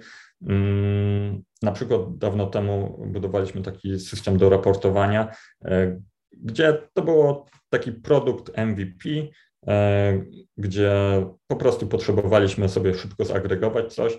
Nie było potrzeby tam jakiejś e, paginacji, po prostu chcieliśmy wszystkie dane naraz brać. No i ten system rósł, rósł, e, tam jakieś indeksy się dodało, jak się zobaczyło, że jest jakiś problem, ale to działanie było coraz wolniejsze, coraz wolniejsze. E, no i w pewnym momencie klient się kontaktuje, że aplikacja nie działa. Sprawdzamy, co się stało, timeout. E, po prostu to zapytanie trwało już tyle, że się nie mieściło w w tych ramach czasowych, które były skonfigurowane w serwerze. No i wtedy, wtedy właśnie podjęliśmy decyzję o dodaniu jakiejś paginacji, filtrowania po zakresach dat e, i e, w, później, w późniejszym etapie zaczęliśmy też agregować te dane tam tygodniami, żeby e, ograniczyć tą liczbę danych, które są w danym momencie przetwarzane. Więc to jest taki ciekawy przykład. Inny przykład, mieliśmy zmigrować jakieś dane, Mm, zmiana formatu danych, e, struktury w bazie danych. E, no ktoś napisał migrację, tylko ta migracja, tam był problem taki, że migracja jednego elementu, ona wymagała jakiejś zależności z innych serwisów, trzeba było się odwołać do, do jakichś e, dodatkowych miejsc, więc migracja wyglądała tak, że był pobierany jeden rekord, potem szły zapytania, które pobierały potrzebne dane, potem ten rekord był aktualizowany, zapisywany do bazy danych. Tylko tych rekordów było do pobrania i przemigrowania kilkaset tysięcy. Więc e, już nawet nie pamiętam, jaki, jaki tam szacowaliśmy czas, ale no nie był to sensowny czas. Ta migracja trwałaby pewnie z kilka dni. E, no i tutaj właśnie wszedłem i wprowadziłem takie baczowanie, czyli przetwarzanie tego partiami. Pobieramy sobie na przykład tysiąc elementów, potem bierzemy, dociągamy potrzebne dane, które sobie jeszcze keszowaliśmy, żeby e, jeżeli one gdzieś w innych, e, w innych przypadkach się pojawiały, to żeby je wykorzystać. No i to, to nam pozwoliło właśnie zejść do takiego sensownego czasu migracji, że to, to tam trwało chyba około godziny wtedy. E, więc to kolejny przykład. Mm, I jeszcze taki dosyć ciekawy przykład, to raz mieliśmy w ogóle taki błąd, że e, baza danych, ona, jak, jak robiliśmy zapytania do bazy danych, za każdym razem było otwierane nowe połączenie z bazą danych. Więc to nowe połączenie, ono wymagało kilku sekund, żeby się nawiązać. I jak to wykryliśmy, no to skonfigurowaliśmy sobie pulę połączeń, które zaczęły być właśnie wykorzystywane ponownie. E, no i to przyspieszyło aplikację aż 200 razy. Nie dwa razy, tylko nie, nie tam 100%, tylko 200 razy. Tam to zeszło z powiedzmy 3 sekund na zapytanie do, do 50 milisekund. E, więc to jest, to jest kolejny ciekawy przykład i to też e, pokazuje, że warto jest używać narzędzi, które E, pozwolą nam to zaobserwować i te popularne bazy danych, one często właśnie udostępniają narzędzia, które pozwolą nam przeanalizować jakiś plan wykonania zapytania, e, mogą doradzić, że gdzieś brakuje indeksu, e, więc warto się zainteresować, czy, czy ta baza danych, której używamy, na to pozwala. Jeszcze ważny temat w kontekście baz danych to oczywiście skalowanie. No tutaj, żeby tak trochę więcej szczegółów podać, no to no polega to na tym, że dodajemy sobie instancje i replikujemy dane. E, to tam jakiś czas na pewno będzie zajmować. Natomiast możemy się zastanowić, czy nie potrzebujemy czegoś bardziej wyrafinowanego, może jakiegoś hardowania, czyli takiego dzielenia poziomego e, tych kolekcji, że na przykład mamy rekordy od A do M w jednej, na jednej instancji, od N, od N do Z na innej instancji, e, dzięki czemu ruch może być lepiej rozłożony. E, tutaj trzeba na pewno uważać na mm, jakby rozkład tych danych, e, jaki mamy, bo jeżeli będziemy mieć jakichś celebrytów, którzy się tam zaczynają na literę A i oni wszyscy wylądują na tej jednej instancji, no to nam za wiele to nie pomoże i ta instancja będzie trochę bardziej e, używana. Mm, więc to, to, to na pewno warto zwrócić na to uwagę.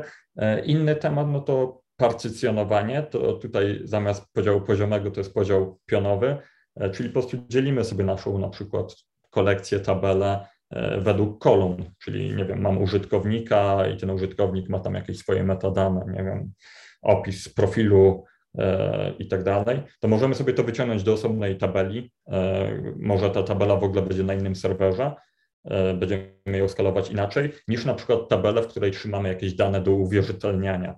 E, które mogą być albo istotniejsze, albo mniej istotne. I tak kończąc jeszcze temat baz danych, e, taki ostatni element to użycie narzędzi typu ORM, ODM, czyli te Object Relational e, Mapery. Myślę, że na pewno można stwierdzić, że one nie są zbytnio optymalne, natomiast rozwiązują one bardzo dużo problemów, bo tworzą pewną warstwę abstrakcji, dzięki czemu pisanie kodu jest prostsze, utrzymywanie tego kodu jest prostsze.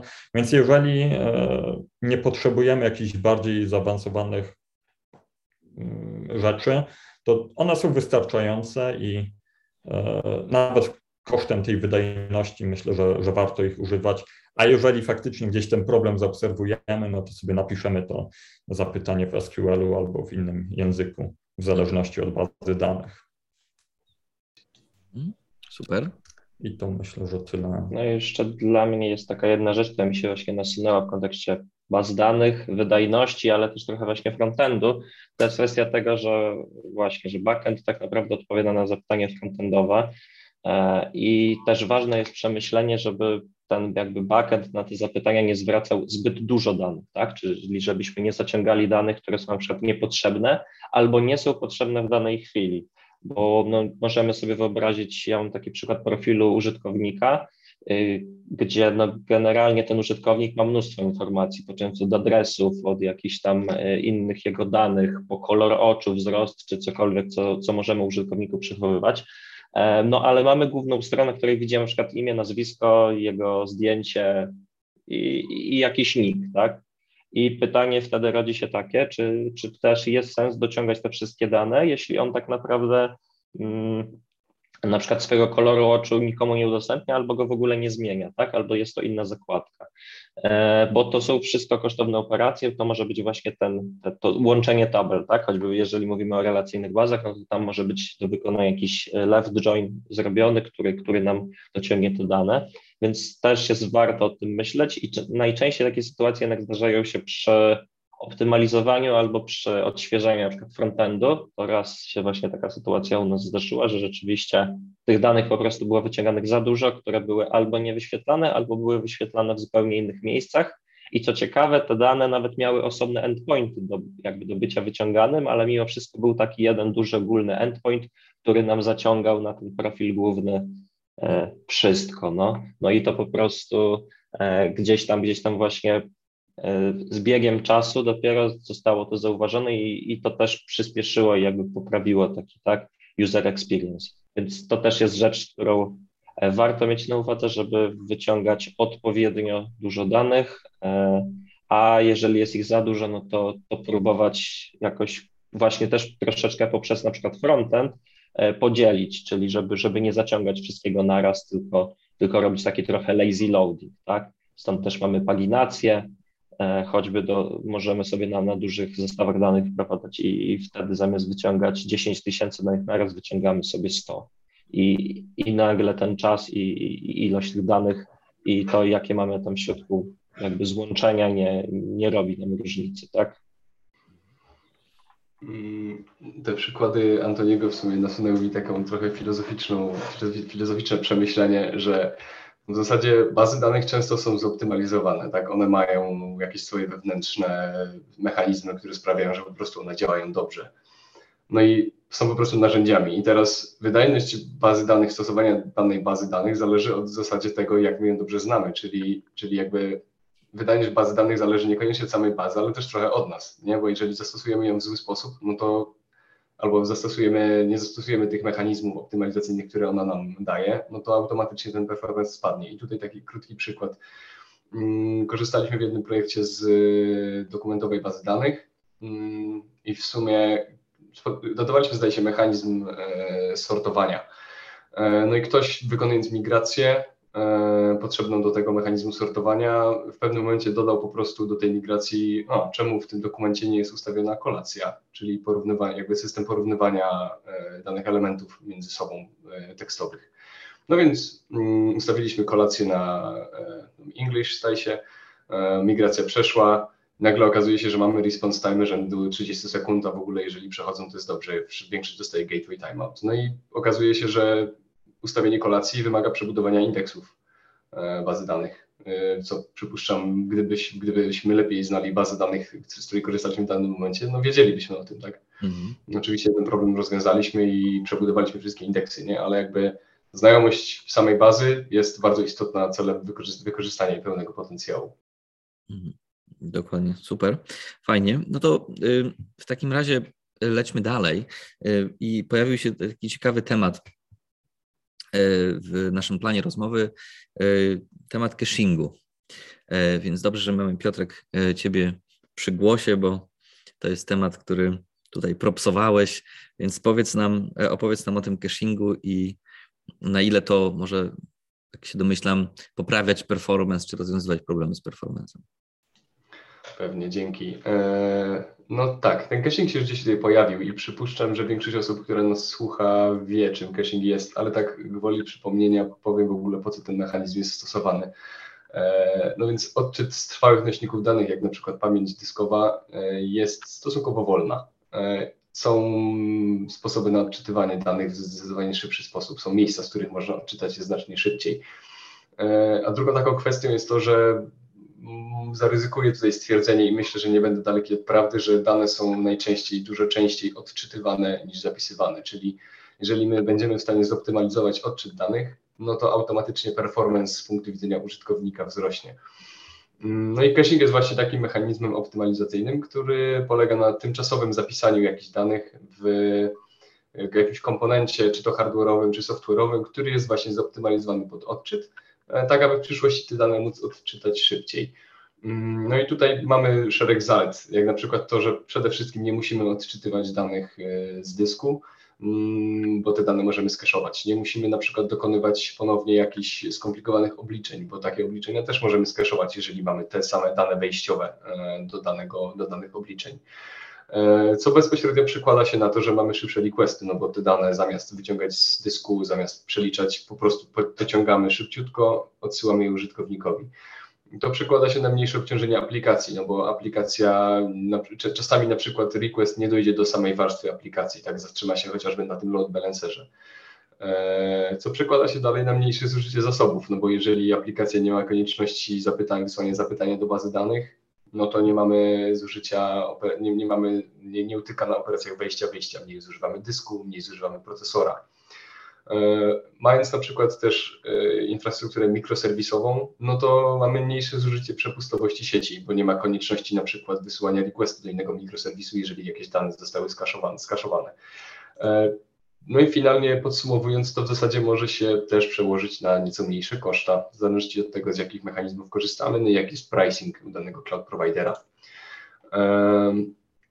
Jeżeli chodzi o samo kaszowanie, to dosyć istotnym punktem jest to, żeby starać się kaszować na, na kilku warstwach. Tak? Chcę mieć kilka warstw kaszowania, bo jakby jest szansa, że na którejś warstwie my trafimy na skaszowane dane i w efekcie będziemy mieli szybsze działanie całego systemu, szybsze, szybszą odpowiedź na dane zapytanie. Oczywiście to kaszowanie na dużej ilości warstw musi być robione w granicach rozsądku, no bo nie chcemy kaszować dosłownie wszystkiego i wszędzie, bo w praktyce to będzie, aplikacja będzie nieutrzymywalna. E, dzięki tej wielowarstwowości kaszowania możemy zminimalizować to, jak nisko chcemy zagłębić się w hierarchię elementów aplikacji, żeby pozyskać dane, a tym samym optymalizujemy tą szybkość odpowiedzi. E, no i są takie konkretne miejsca, gdzie to kaszowanie ma sens i jest zalecane i to są na przykład wspomniany wcześniej load balancer, czy jakieś reversed proxy. Kaszowanie to już bardziej po stronie frontendu, ale client side. Kaszowanie mm, na poziomie y, query do bazy danych na przykład. I to są takie standardowe miejsca, które często już mają wbudowane te mechanizmy, ale innymi miejscami są takie, które my możemy też y, zauważyć sami jako deweloperzy, Mm, i rozważyć dodanie takiego cache'u, na przykład wysłanie zapytania do external providera. E, jeżeli te dane po jego stronie nie zmieniają się często, to możemy zaryzykować zatrzymanie ich po swojej stronie, co w efekcie przełoży nam się na e, znacznie wydajniejszy, e, na znacznie wydajniejszą odpowiedź, znacznie szybszą odpowiedź na jakieś zapytanie. Czyli identyfikowanie takich miejsc może mieć w zasadzie kluczowe znaczenie dla performance całej aplikacji. E, inna sprawa tutaj jakby nie do końca związana jest to z performancem, ale kaszowanie danych chociażby tych wspomnianych external providerów może też się przełożyć na poprawę stabilności aplikacji, bo jesteśmy też mniej zależni od tego, czy provider leży, czy stoi. Tak? Jeżeli mamy te dane zapisane i akurat się zdarzy tak, że trafimy na to, co mamy zapisane, no to zwrócimy normalnie użytkownikowi odpowiedź, no on nawet nie zauważy, że coś jest nie tak. E, no ale oczywiście poza zaletami kaszowanie ma też swoje wyzwania i e, takim pierwsze, które mi się nasuwa jest to, że mm, kaszowanie może mieć negatywny wpływ na skomplikowanie aplikacji i tutaj mam na myśli przede wszystkim spójność danych, danych, czyli, danych czyli inwalidacja cache'u. E, te dane w cache'u, w zależności od tego, co mamy zapisane, one po jakimś czasie przestaną być aktualne. No i teraz zostaje postawione pytanie, kiedy? Możemy, może, może być tak, że możemy jasno określić ten, ten moment, ale może być tak, że, że jakby nie jesteśmy w stanie tego zweryfikować. No i wtedy wchodzimy w tematykę ustawienia time to live danego, y, danego elementu w cache, czyli to, jak długo my stwierdzamy, on będzie aktualny. Możemy być bardzo bliscy prawdy i zwrócić bardzo aktualne dane, ale możemy też się mocno rozstrzelić i na przykład zwracać nieaktualne dane przez 3 godziny, co przypuszczam jest niezbyt pożądaną sytuacją. Eee, Druga taka sprawa to jest, co, co w zasadzie powinniśmy kaszować. Czy na przykład ma sens kaszowanie szybko zmieniających się danych? Jeżeli ustawimy odpowiednio krótki time to live, no to myślę, że jak najbardziej, ale to też jest bardzo zależne od use case'u, tak? Czasami to w ogóle może nie mieć sensu i powinniśmy ten pomysł całkowicie porzucić, jeżeli na przykład e, okazałoby się, że nasz cache zostanie momentalnie przepełniony danymi. I to właśnie jest druga sprawa. Nie chcemy też kaszować wszystkiego, bo ten cache ma ograniczoną pojemność możemy, może na przykład się znaleźć w sytuacji, w której chcemy coś pisać do cache'u, a cały RAM instancji, powiedzmy, na której my kaszujemy, jest zajęty. No i co teraz? Nie jesteśmy w stanie skaszować. Mm, I ostatnia taka rzecz to e, odpowiednie stosowanie kaszy, e, nieodpowiednie stosowanie kaszu może się przełożyć na w zasadzie spadek performance'u. Jeżeli będziemy mieli dużą ilość chociażby cache misses, czyli nietrafionych zapytań do cache'u, to w zasadzie musimy się odnieść do powiedzmy bazy danych Czyli w zasadzie robimy to, co aplikacja robiłaby bez kaszu i dodajemy dodatkowy krok, który nic nam nie zmienia. Czyli to może być zauważalny spadek, jeżeli my zapytamy cache przy dziesiątkach, setkach requestów, odpytamy cache i on nigdy nie zwróci nam informacji, no to w zasadzie performance będzie nam spadał zamiast y, wzrastać. E, no tak, także kaszowanie nie jest cyberbulletem, nie rozwiązuje wszystkich problemów. E, niemniej jednak raczej jest mechanizmem, który trzeba stosować w swojej aplikacji.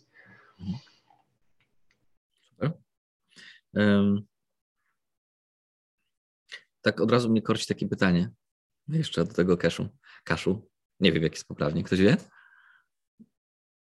Zależy, czy po polsku, czy po angielsku. po polsku, tak. Tak, sporo spolszczamy jednak teraz słów, tak, więc tak. ciężko no, powiedzieć. Y, y, kasz y, się z kaszą kojarzy, więc łatwiej mówić. Ja tak jestem ciekaw, nie, bo z jednej strony tutaj tak wyłowię z Twojej wypowiedzi, Piotrek, jedną rzecz. No, pewnie wiele z tych rzeczy, czy tam elementów, komponentów, chociażby takich jak bazy danych, mają, nie, nie wiem czy wszystkie, ale ale, ale część na pewno ma swoje jakieś mechanizmy e, kaszowania, kaszowania i super. Wtedy świadomie po prostu należy z nich korzystać. Natomiast jak już przechodzimy do implementacji jakiegoś customowego rozwiązania, tak, kiedy my sobie sami troszeczkę budujemy ten, ten, ten, ten cache, to tak się zastanawiam właśnie, jak to robić w praktyce. Nie, czy, nie wiem, czy mieliście takie doświadczenie, że taki customowy cache sobie budowaliście, czy takie rozwiązanie typu cache i wtedy e, e jak to robić, no bo jeżeli mamy, nie wiem, Y, co tutaj jest, nie wiem, mamy dane w bazie danych, a chcemy mieć jakiś cache, to czy to nie będziemy go trzymać w tej samej bazie danych, musimy pewnie go trzymać gdzieś indziej, więc takie ciekawe zagadnienie pewnie architektoniczne, domyślam się, to jest, że trzeba jakby jakoś ten, ten cache zbudować sensownie, tak, żeby to nie była taka sztuka dla sztuki. E, no więc nie wiem, nie wiem, czy jest taka praktyka na przykład, żeby nie wiem, w bazach NoSQL-owych cache'ować rzeczy, które może dziś oryginalnie są w relacyjnych. No nie wiem, zgaduję teraz zupełnie, nigdy w życiu takiego rozwiązania nie bezpośrednio nie kodowałem, więc pytanie, czy macie takie doświadczenie i y, jak to w praktyce hmm. zrobić? Czy może to jest tak zależne od use case'a, że w sumie trudno na to znaleźć odpowiedź? Znaczy, gdzie to umieścić, no to, to myślę, że to będzie zależne od, od naszych potrzeb. E, na pewno w kontekście samych baz danych, te widoki zmaterializowane, to jest jakaś forma cache'u, e, że przygotowujemy jakieś dane, na przykład, e, no właśnie, żeby zoptymalizować te zapytania, a, a niekoniecznie, żeby wyliczać to za każdym razem. Jeżeli by zejść na poziom samego kodu, no to stworzenie takiego prostego cache'u, to to jest kwestia stworzenia takiego słownika, e, hash mapy, gdzie mamy jakiś klucz, gdzie mamy jakiś klucz i mamy jakąś wartość, tak? E, kwestia tam dodania właśnie time to live, e, jak długo te dane będą przydatne, to, to już jest myślę kwestia drugorzędna. Nic nie szkodzi, żeby stworzyć sobie w ogóle osobny serwis, który właśnie, właśnie będzie zapisywał jakieś wartości pod jakimś kluczem. Pytanie jest, czy, czy jest taka potrzeba, bo istnieją rozwiązania typu Redis, e, Memcache i, i, i inne, e, które e, no już to robią, tak? Więc możemy wykorzystać gotowe rozwiązanie zamiast wynajdywać to koło na nowo. To rozwiązanie z reguły będzie w miarę wydajne, skalowalne i tak dalej. Mhm. No okej, okay, okej, okay, dobra. No to, tak właśnie się domyślałem, nie, że w sumie to jest kwestia podjęcia pewnej decyzji, jakby no, jak, jak, jakiego w tym momencie wiem, środka do gromadzenia tych danych, czy, czy potem sterowania, udostępniania sobie wykorzystamy. Równie dobrze baza, relacyjna baza danych też może robić za jakiegoś rodzaju cache. To wszystko zależy od tego, od tego mm, właśnie, czego potrzebujemy w danym przypadku. No dobrze. No dokładnie, to... jeszcze, ja jeszcze jednak się leciutko tak wetnę, bo, bo, bo tak jak właśnie mówisz o tej relacyjnej bazie danych, no to rzeczywiście to jest trochę najprostszy system cache'u i tutaj Piotr też poruszył E, temat łączenia się z third party providerami. No i ja kojarzę taki projekt, w którym rzeczywiście po pierwsze ten third party provider e, mm, był wolny e, i nie zawsze dostępny, szczególnie przy, przy naszych rosnących obciążeniach. A druga sprawa to była taka, że też każde zapytanie do niego kosztowało. Więc to są dwa, dwie rzeczy, które jakby automatycznie gdzieś tam w głowie się rodzą, a co jeśli ja bym sobie na chwilę te dane przechował no i właśnie w tym momencie użyliśmy tak naprawdę bazy danych zwykłej, zwykłej postgresowej do przechowywania tych danych. Zaznaczaliśmy, kiedy były te dane utworzone i tam bodajże po trzech czy czterech dniach po prostu dane były usuwane, tak? znaczy uzna, jakby tutaj to była też decyzja podjęta razem z biznesem, gdzie oni po prostu uznali, że w ciągu tego czasu nie powinno, e, jakby te dane nie powinny się aż tak znacząco zmienić, tak, na potrzeby tak, tych e, naszych wyliczeń i tak dalej, więc, więc tutaj mamy pełną dowolność w tych, w tych rozwiązaniach, e, no ale, ale na pewno może to bardzo, bardzo dużo problemów, tak, e, rozwiązywać, no tu rozwiązało oba i ta niedostępność, gdzie no, często zgłaszanie się do third party providera jest na zasadzie e, nie mamy pańskiego płaszcza i co nam pan zrobi, tak? No, no po prostu ciężko jest czasami uzyskać, jak są to strony rządowe, no to już w ogóle nie ma tu żadnego pola do popisu, no i, i niestety wiemy, wiemy, że one często potrafią żyć sobie swoim życiem, tak? Więc no na pewno dobrze przemyślany caching w jakiejkolwiek formie jest w stanie rozwiązać dużo tych problemów i tutaj ten przykład third party providerów myślę, że, że jest jednym z, z ważniejszych. Mhm. Super. No dobrze, to przejdźmy teraz do y, innego zagadnienia, które nazwałem sobie e, wzorcami asynchronicznymi, cokolwiek to znaczy. E, ale zaraz sobie rozszyfrujemy, bo to też taki przykład trochę z, też z mojego doświadczenia z przeszłości, e, czyli mm, chodzi o takie sytuacje, w których pewne operacje już z natury tych operacji, nie dlatego, że, że, było coś bardzo źle zaimplementowane, e, tylko natura tych operacji po prostu była taka, że to były operacje długie i one się długo wykonywały. E, I no już trzeba byłoby straszliwe jakieś koszty ponosić, chcąc to jakoś tak e, wertykalnie skalować, no nie ma to żadnego sensu. Po prostu trzeba zaakceptować to, że te operacje wykonywały się długo. Tu chodziło o, o generację dokumentów PDF, które jeszcze były y, bardzo duże, tak, to, to jakieś wielo, wielo, wielostronicowe, e, więc ten sam dokument był, dużo ważył potem finalnie.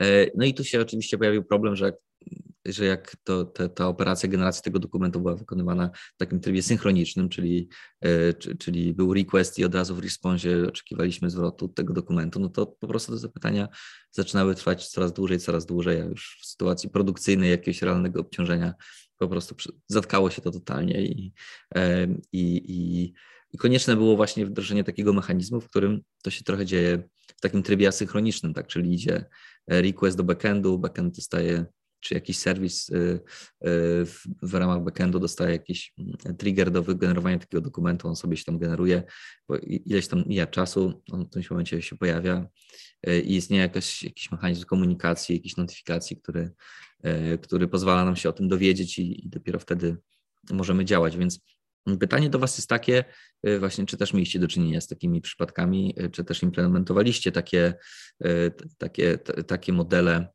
czy takie wzorce asynchroniczne. Mhm, dobrze, ja się tutaj wtrącę. Yy, tak, mam taki pewien przykład ode mnie z, poprzedniej, z poprzedniego projektu, przy którym pracowałem. Yy, natomiast jeżeli chodzi o samą komunikację asynchroniczną, zaraz go przywołam. Jeżeli chodzi o samą komunikację asynchroniczną, no to yy, tutaj możemy w zasadzie mieć dwa powody, dla których chcemy wykonywać operację asynchroniczną. Pierwszy z nich to jest właśnie to, który wspomniałeś, e, long running jobs, te długo wykonujące się procesy, bo po prostu czekanie na zakończenie takiego procesu mocno upośledzałoby w zasadzie działanie serwisu pytającego, o czym możemy się przekonać, mając na przykład aplikację frontendową, która wysyła jakąś, jakieś zapytanie i czeka na przykład przez 30 sekund, aż to zapytanie zostanie przeprocesowane, a są takie przypadki. Mm, no i drugą taką sytuacją, która mi się nasuwa, jest to jest taka sytuacja, w której my w zasadzie nie potrzebujemy rezultatu wykonania danej akcji w danym momencie. My stwierdzamy, dobra, to się powinno wykonać. Za trzy godzinki, jak to będzie gotowe, my sprawdzimy, czy to jest gotowe. Jak będzie gotowe, to, to, to wtedy to wykorzystamy. E, czyli w zasadzie, jeżeli chodzi o wzorce synchroniczne, to chodzi nam o coś takiego, gdzie użytkownik wywołuje żądanie i nie czeka na jego ukończenie. E, no, w zasadzie to tak. Jeżeli chodzi o mój przykład, to w poprzednim, przy poprzednim projekcie miałem okazję pracować przy event, z aplikacji, która mocno bazowała na event sourcingu. E, nie będę tłumaczył, co to jest event sourcing tutaj, bo, bo to mogłoby dużo zajść, zająć, e, także polecam każdemu zapoznanie się, bo jest to bardzo ciekawy w zasadzie wzorzec. Mm, no i w naszym przypadku e, wykonanie jakiejś komendy, zmiany jakiegoś, jakiegoś elementu w bazie mm, było robione poprzez wywołanie komendy. Taka komenda produkowała event, czyli zmieniło się w tym elemencie to, to i to. I taki event zapisujemy w, zapisywaliśmy w bazie event sourcingowej. I teraz, jeżeli chodzi o event sourcing, problem z nim jest taki, że odczytywanie danych bezpośrednio z bazy event sourcingowej jest nieskalowalne. Z tego względu, że my nie zapisujemy całego elementu, tylko zapisujemy jakąś jego zmianę, jakąś inkrementację jego stanu. E, I teraz chcąc odczytać stan danego agregatu, no to musielibyśmy go, oczywiście są metody optymalizacyjne, jak na przykład cache, który stosowaliśmy do zapisania tymczasowego stanu naszego elementu. E, to taki przykład odnośnie poprzedniego tematu. Mm, no więc jeżeli chcemy go uzyskać aktualny wynik, to musimy odbudować wygląd danego agregatu od eventu numer 0 do eventu numer powiedzmy 3000. No i to może zająć nam dosyć długo. E, druga sprawa jest taka, że te agregaty niekoniecznie pokrywają, zazwyczaj, w zasadzie nie niekoniecznie, tylko zazwyczaj nie pokrywają się z danymi, które są potrzebne na froncie, czyli nie potrzebujemy danego agregatu, na przykład użytkownik, tylko potrzebujemy read modelu, nie wiem, użytkownik i jego rower, tak, e, cokolwiek to miał, nie wiem, czemu taka aplikacja miałaby służyć. Mm, no i teraz w naszym przypadku zapisanie eventu do Event Store'a powodowało triggerowanie masy różnych procesów, właśnie służących przebudowaniu odpowiednich read modeli, które korzystały z danego agregatu. E, czyli w zasadzie, gdybyśmy mieli czekać po stronie użytkownika na uzyskanie, jaki jest finalnie efekt tej zmiany, no to musielibyśmy poczekać na przebudowanie jednego, drugiego, trzeciego read modelu, E, czyli znowu znów ten proces przebudowania od eventu 0 do 3000. Dany read model może, może korzystać z wielu agregatów, więc ma, mielibyśmy wiele tych przebudowań. Te dane trzeba zmiksować i dopiero mamy gotowy read model. E, no i jakby to jest wyjątkowo nieoptymalne. W związku z tym e, zdecydowaliśmy się na zastosowanie tego wspomnianego wcześniej przez Antoniego wzorca CQRS, czyli Command Query Responsibility Segregation i komendy wywoływały zmiany w naszej danie, w naszej bazie e, Persistent Data Store, czyli w tym event sourcingu. E, przebudowanie modelu następowało, następowało asynchronicznie i te dane za pomocą queryki użytkownik mógł odczytać z read modelu. Mm, więc tak, to jest, e, to jest jeden przykład na zastosowanie mm, wzorców asynchronicznych, który miałem okazję mieć w mojej karierze. E, a jeżeli chodzi o jeszcze inne jakieś przykłady, które się, które się nasuwają tutaj, no to mm, wspomniane CQRS jakby nie musi korzystać z komunikacji asynchronicznej, ale jest to często stosowany wzorzec. E, w przypadku Event-Driven Architecture też bardzo często mamy do czynienia z wzorcami asynchronicznymi, czyli po prostu my stwierdzamy, potrzebuję zrobić to i to, strzelam eventem w event bus, nie obchodzi mnie, co się z tym dalej dzieje, potem z tego skorzystam. Mhm. Mm, taką może też sytuacją, którą, na którą wpadłem w zasadzie przed chwilą, jest to, że taką takim wzorcem asynchronicznym są chociażby wszelkiego rodzaju cron tak? To są operacje, które wykonują się w jakimś momencie. E, no i my w zasadzie jakby mamy tylko do dyspozycji rezultat, e, który się wykonał asynchronicznie, niezależnie od, od nas. Mhm. Mm, no i taką ostatnim elementem jest e, AMI, czyli Asynchronous Methods Invocation. E, no i w zasadzie z tym wzorcem myślę, że do czynienia ma każdy, kto wie, wie każdy, na czym on polega, korzystając z JavaScriptu, aczkolwiek ten mechanizm jest też dostępny w innych językach, niekoniecznie oparty na tej, na tej samej metodzie działania. I tak jeszcze krótko przejdę do samych zalet i wad tych wzorców asynchronicznych. E, podstawowa, czyli odciążenie serwisu pytającego, e, tudzież tego klienta. On po prostu może robić co innego w tym czasie, e, może się zajmować jakimiś, jakimiś innymi procesami. W przypadku na przykład takiego wzorca jak Event Driven Architecture mamy lepszą kontrolę nad propagacją błędów. Jeżeli my strzelimy na event basa eventem, to w zasadzie nie obchodzi nas, co się, znaczy obchodzi nas, ale w danym momencie nie obchodzi nas, co się z tym stanie. Czy po stronie odbiorcy tego eventu wyskoczy błąd, czy nie, aplikacja po naszej stronie będzie funkcjonować dosyć dobrze, e, co też pozwala nam na lepsze rozdzielenie tych serwisów od siebie, tak, czyli większą elastyczność. E, na samo to, że serwis, serwis pytający może wykonywać e, inne dane i inne zadania, czekając na odpowiedź e, od serwisu, do którego wysłał zapytanie, no to to się przekłada też na większą skalowalność, bo jeżeli my nie jesteśmy zablokowani w danym momencie, no to możemy wykonywać inne rzeczy równocześnie, czyli obsłużyć na przykład większą ilość zapytań. No, a druga sprawa to też już wspomniane przez Antoniego osobne skalowanie serwisów, czyli jeżeli my mamy na przykład właśnie architekturę opartą o eventy, to możemy zeskalować odpowiednio więcej serwis, e, który wysyła zapytania od tego serwisu, który je procesuje, bo ten narzut może nie być taki sam, nasz serwis może robić więcej niż tylko wysyłać ten event do, do event basa.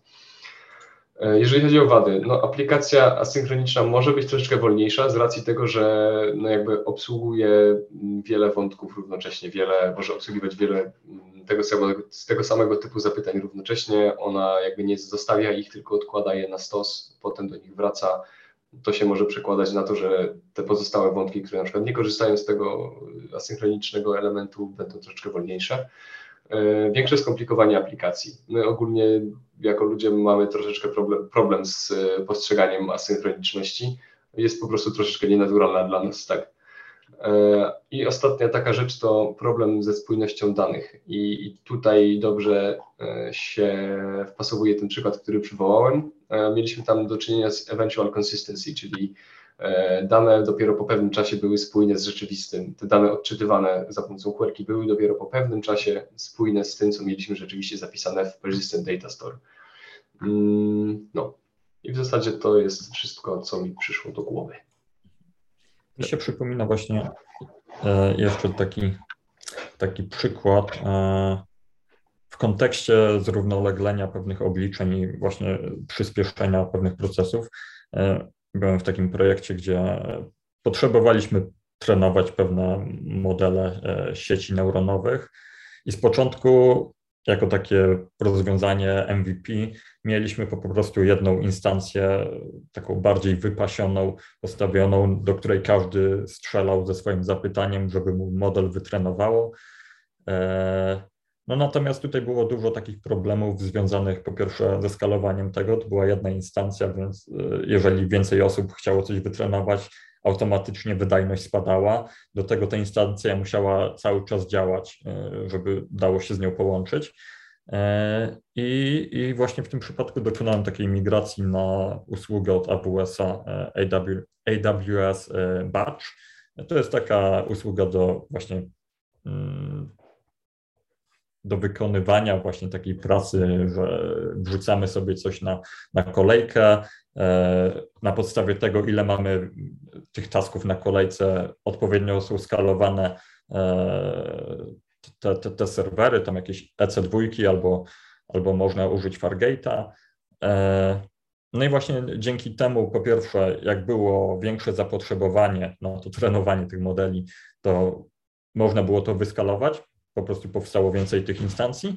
A po drugie, jeżeli kolejka była pusta, nikt nic nie trenował, mogliśmy to zeskalować do zera. E, żadna instancja nie musiała działać, więc tutaj można też e, zaoszczędzić e, pewne pieniądze. Mhm.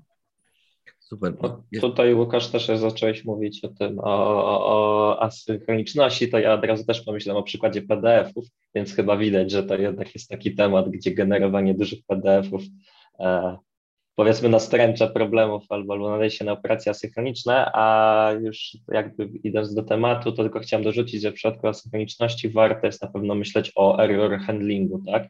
To znaczy, e, no to, że ktoś wysłał e, jakieś żądanie PDF-u, raportu czy jakiekolwiek inne, nie znaczy, że, że jak nie dostanie nic, to jest dobrze, bo zaszedł jakiś błąd, więc zdecydowanie musi tutaj też iść za tym odpowiedni error handling, a o tym bardzo często zdarza się zapominać, tak, gdzieś tam, że, że, że, że to też jest potrzebne i to też jest taki jeden z minusów, że no jest trudniej w takiej operacji stricte asynchronicznej, gdzie oczekujemy czegoś za jakiś czas, że, że ten error handling, jakaś komunikacja z użytkownikiem e, musi po prostu być.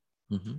Dokładnie, dokładnie, bo tutaj też trzeba pamiętać o tym, no troszkę to jest powiązane z tym, co, o czym mówiłeś, Konrad, że też e, implementacja tych, tych y, operacji asynchronicznych y, determinuje też to, jak wygląda to od strony użytkownika. I ten frontend, i, i ten user experience, i, i, ten user flow też jest wtedy inny, tak? Y, bo, bo ten użytkownik musi wiedzieć, że tak naprawdę ta operacja się nie wykonała, musi ewentualnie mieć jakąś, nie wiem, albo indykację na przykład tego, że to się dzieje.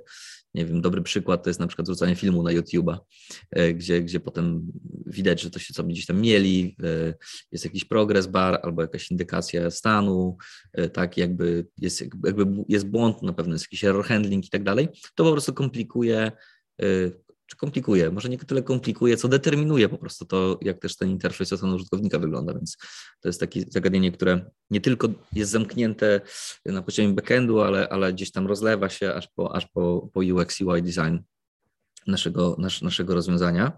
Super, to słuchajcie, dotarliśmy do, y, do, do, do w takim razie y, takiego pytania kontrolnego y, w tej części dotyczącej tych zagadnień, które mają wpływ na performance. Co jeszcze? Co jeszcze y, może Wam przyszło do głowy w trakcie naszej rozmowy? Y, może być jakimś albo bottleneckiem, albo jakimś właśnie zagadnieniem, które poprawia ten performance, a o czym jeszcze y, nie, nie mieliśmy okazji powiedzieć.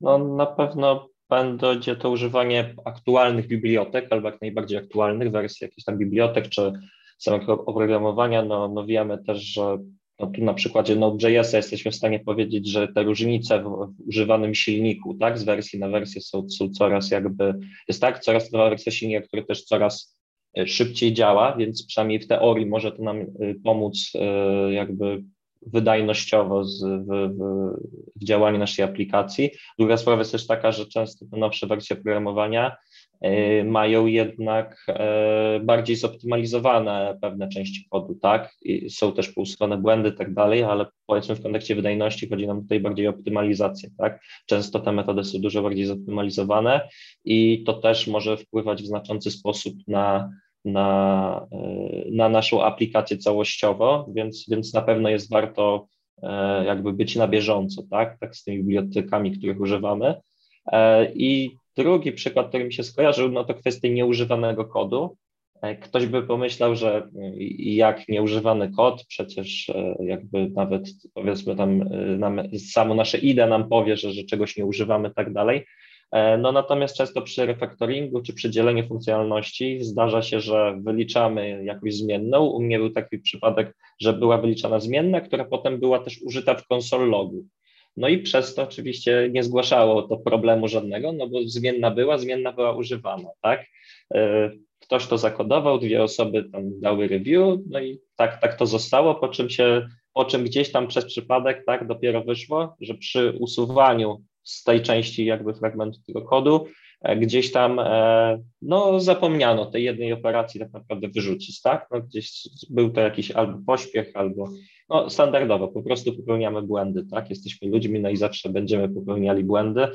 E, także to też jest bardzo taki trywialny przykład, ale no gdzieś tam nam na przykład on, on obniżył powiedzmy koszt zapytania o te 200 milisekund, tak? Więc, więc to, to jakby też pokazuje, że, że nawet można zacząć od najprostszych rzeczy, e, typu właśnie wersji bibliotek, czy sprawdzenie, czy kod robi tylko to, co powinien, a i możemy uzyskać jakieś, jakieś efekty.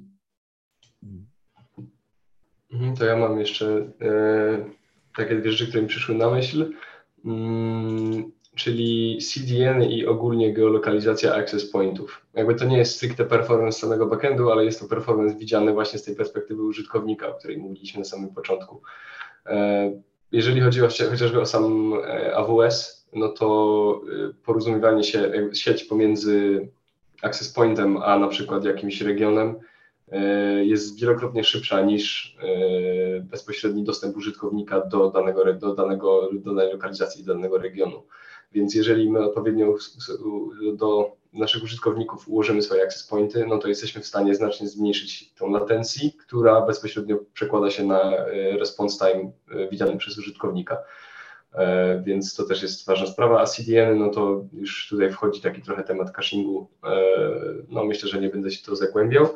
Mm, jeszcze tak szybko dodam, e, że ogólnie zagadnienia sieciowe, mm, bo networking, jakieś DNS lookupy, TCP handshake, negocjacje SSL, to wszystko też ma wpływ na, na performance backendu, bo to wszystko jest wykonywane gdzieś tam under the hood. E, I to ma wpływ zarówno na performance ze strony frontendu, jak i backendu, tak? Bo jeżeli wysyłamy zapytania do external providerów, to tam też często dochodzi chociażby do TCP handshake'ów e, czy DNS lookupów, tak? Mm, no, także to też są jakieś elementy, które mogą wpływać na performance, na które można zwracać uwagę. Wydaje mi się, że to, co wspomniał e, Konrad odnośnie popełnianych błędów, też jest czymś, na co powinniśmy szczególną uwagę zwrócić, bo no na przykład posiadanie jakichś memory leaków, wycieków pamięci w aplikacji może w, dłuższym, e, w dłuższej perspektywie czasu obniżyć tę wydajność, więc warto jest obserwować, czy, czy takich problemów nie ma, czy, czy też w ogóle pisać testy, żeby znajdować jakieś pro problemy w samym kodzie, bo jeżeli zaczniemy optymalizować ten kod, e, on stanie się na przykład mniej czytelny i później może być trudno to zrobić, e, więc warto na to zwrócić uwagę. Mhm. Dokładnie, dokładnie. Super, słuchajcie, to w takim razie e, powoli zbliżamy się do, do końca naszego time slotu na nagranie. Chyba nikt się nie spodziewał, że że tak długo to nam zajmie, ale mamy jeszcze jedno pytanie, bardzo ważne, które podsumuje nam y, całe to zagadnienie performance'u.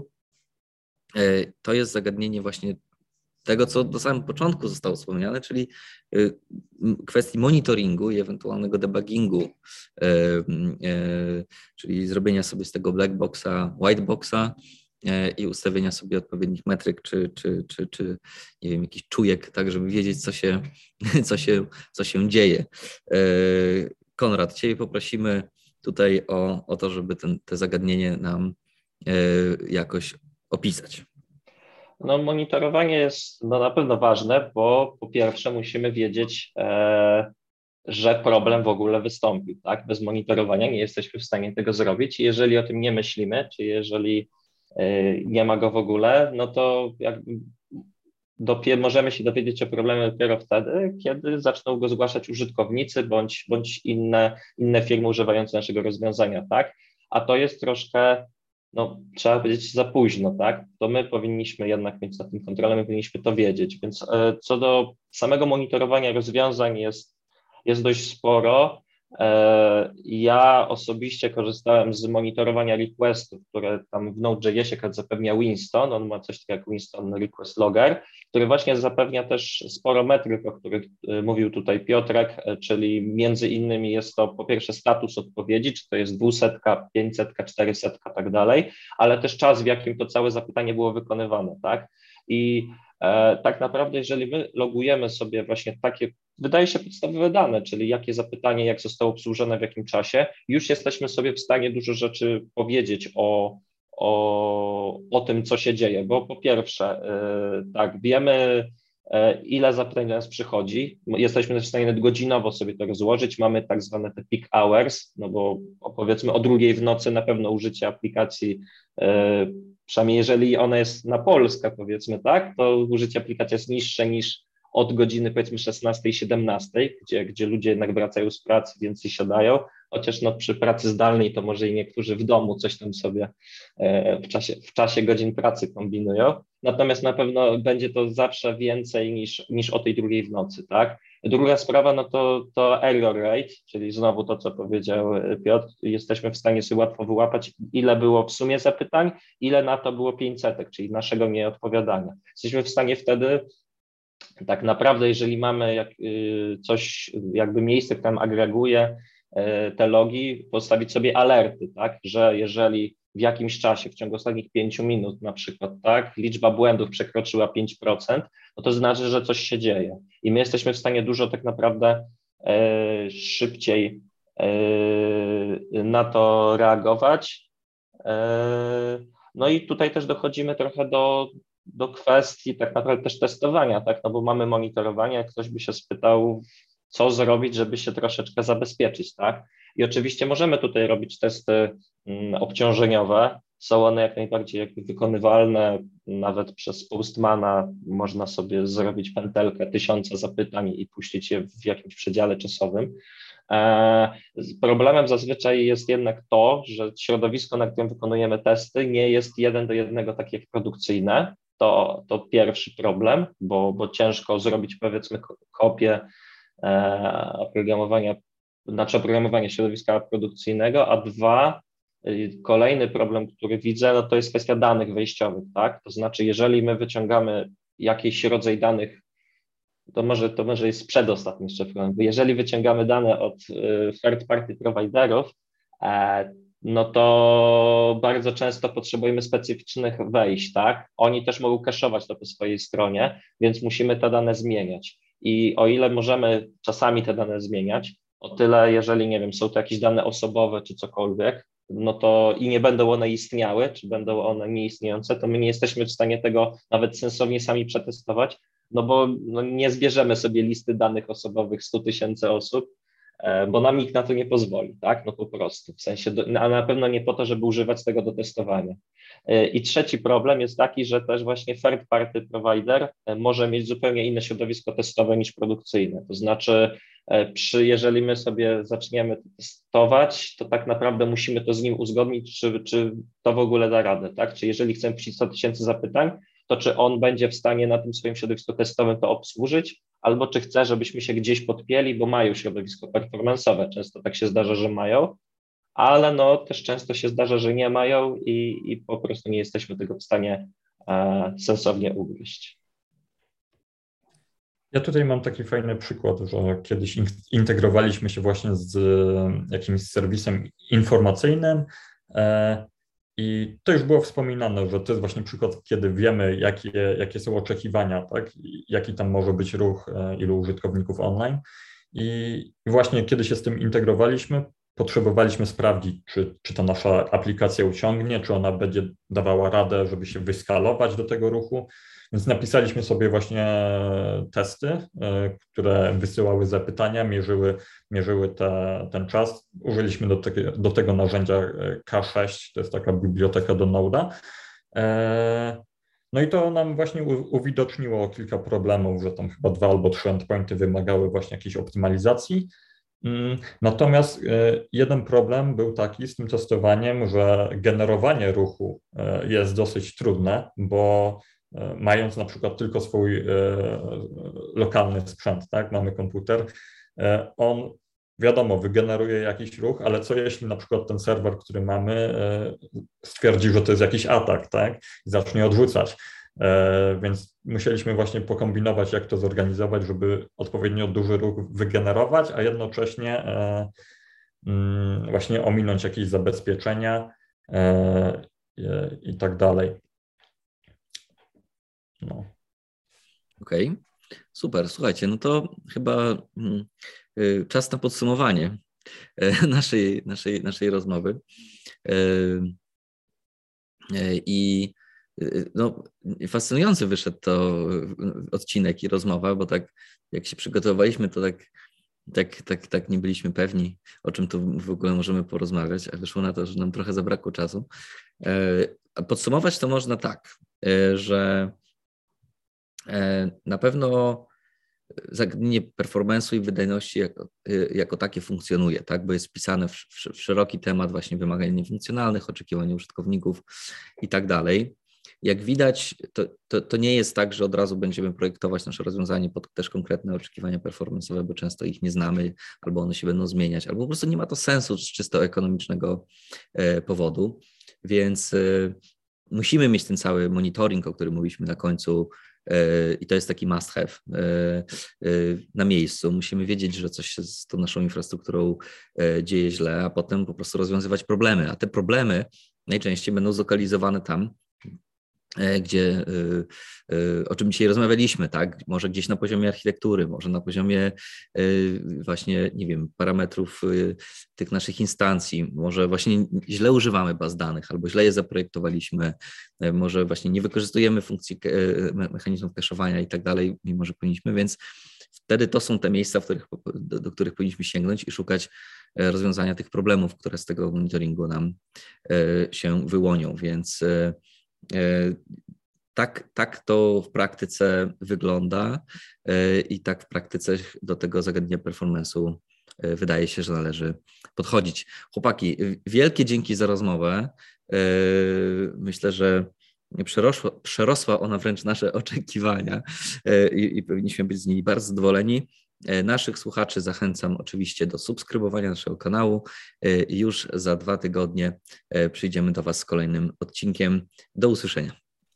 Dzięki wielkie, trzymajcie się, hej. Dzięki, dzięki. na razie.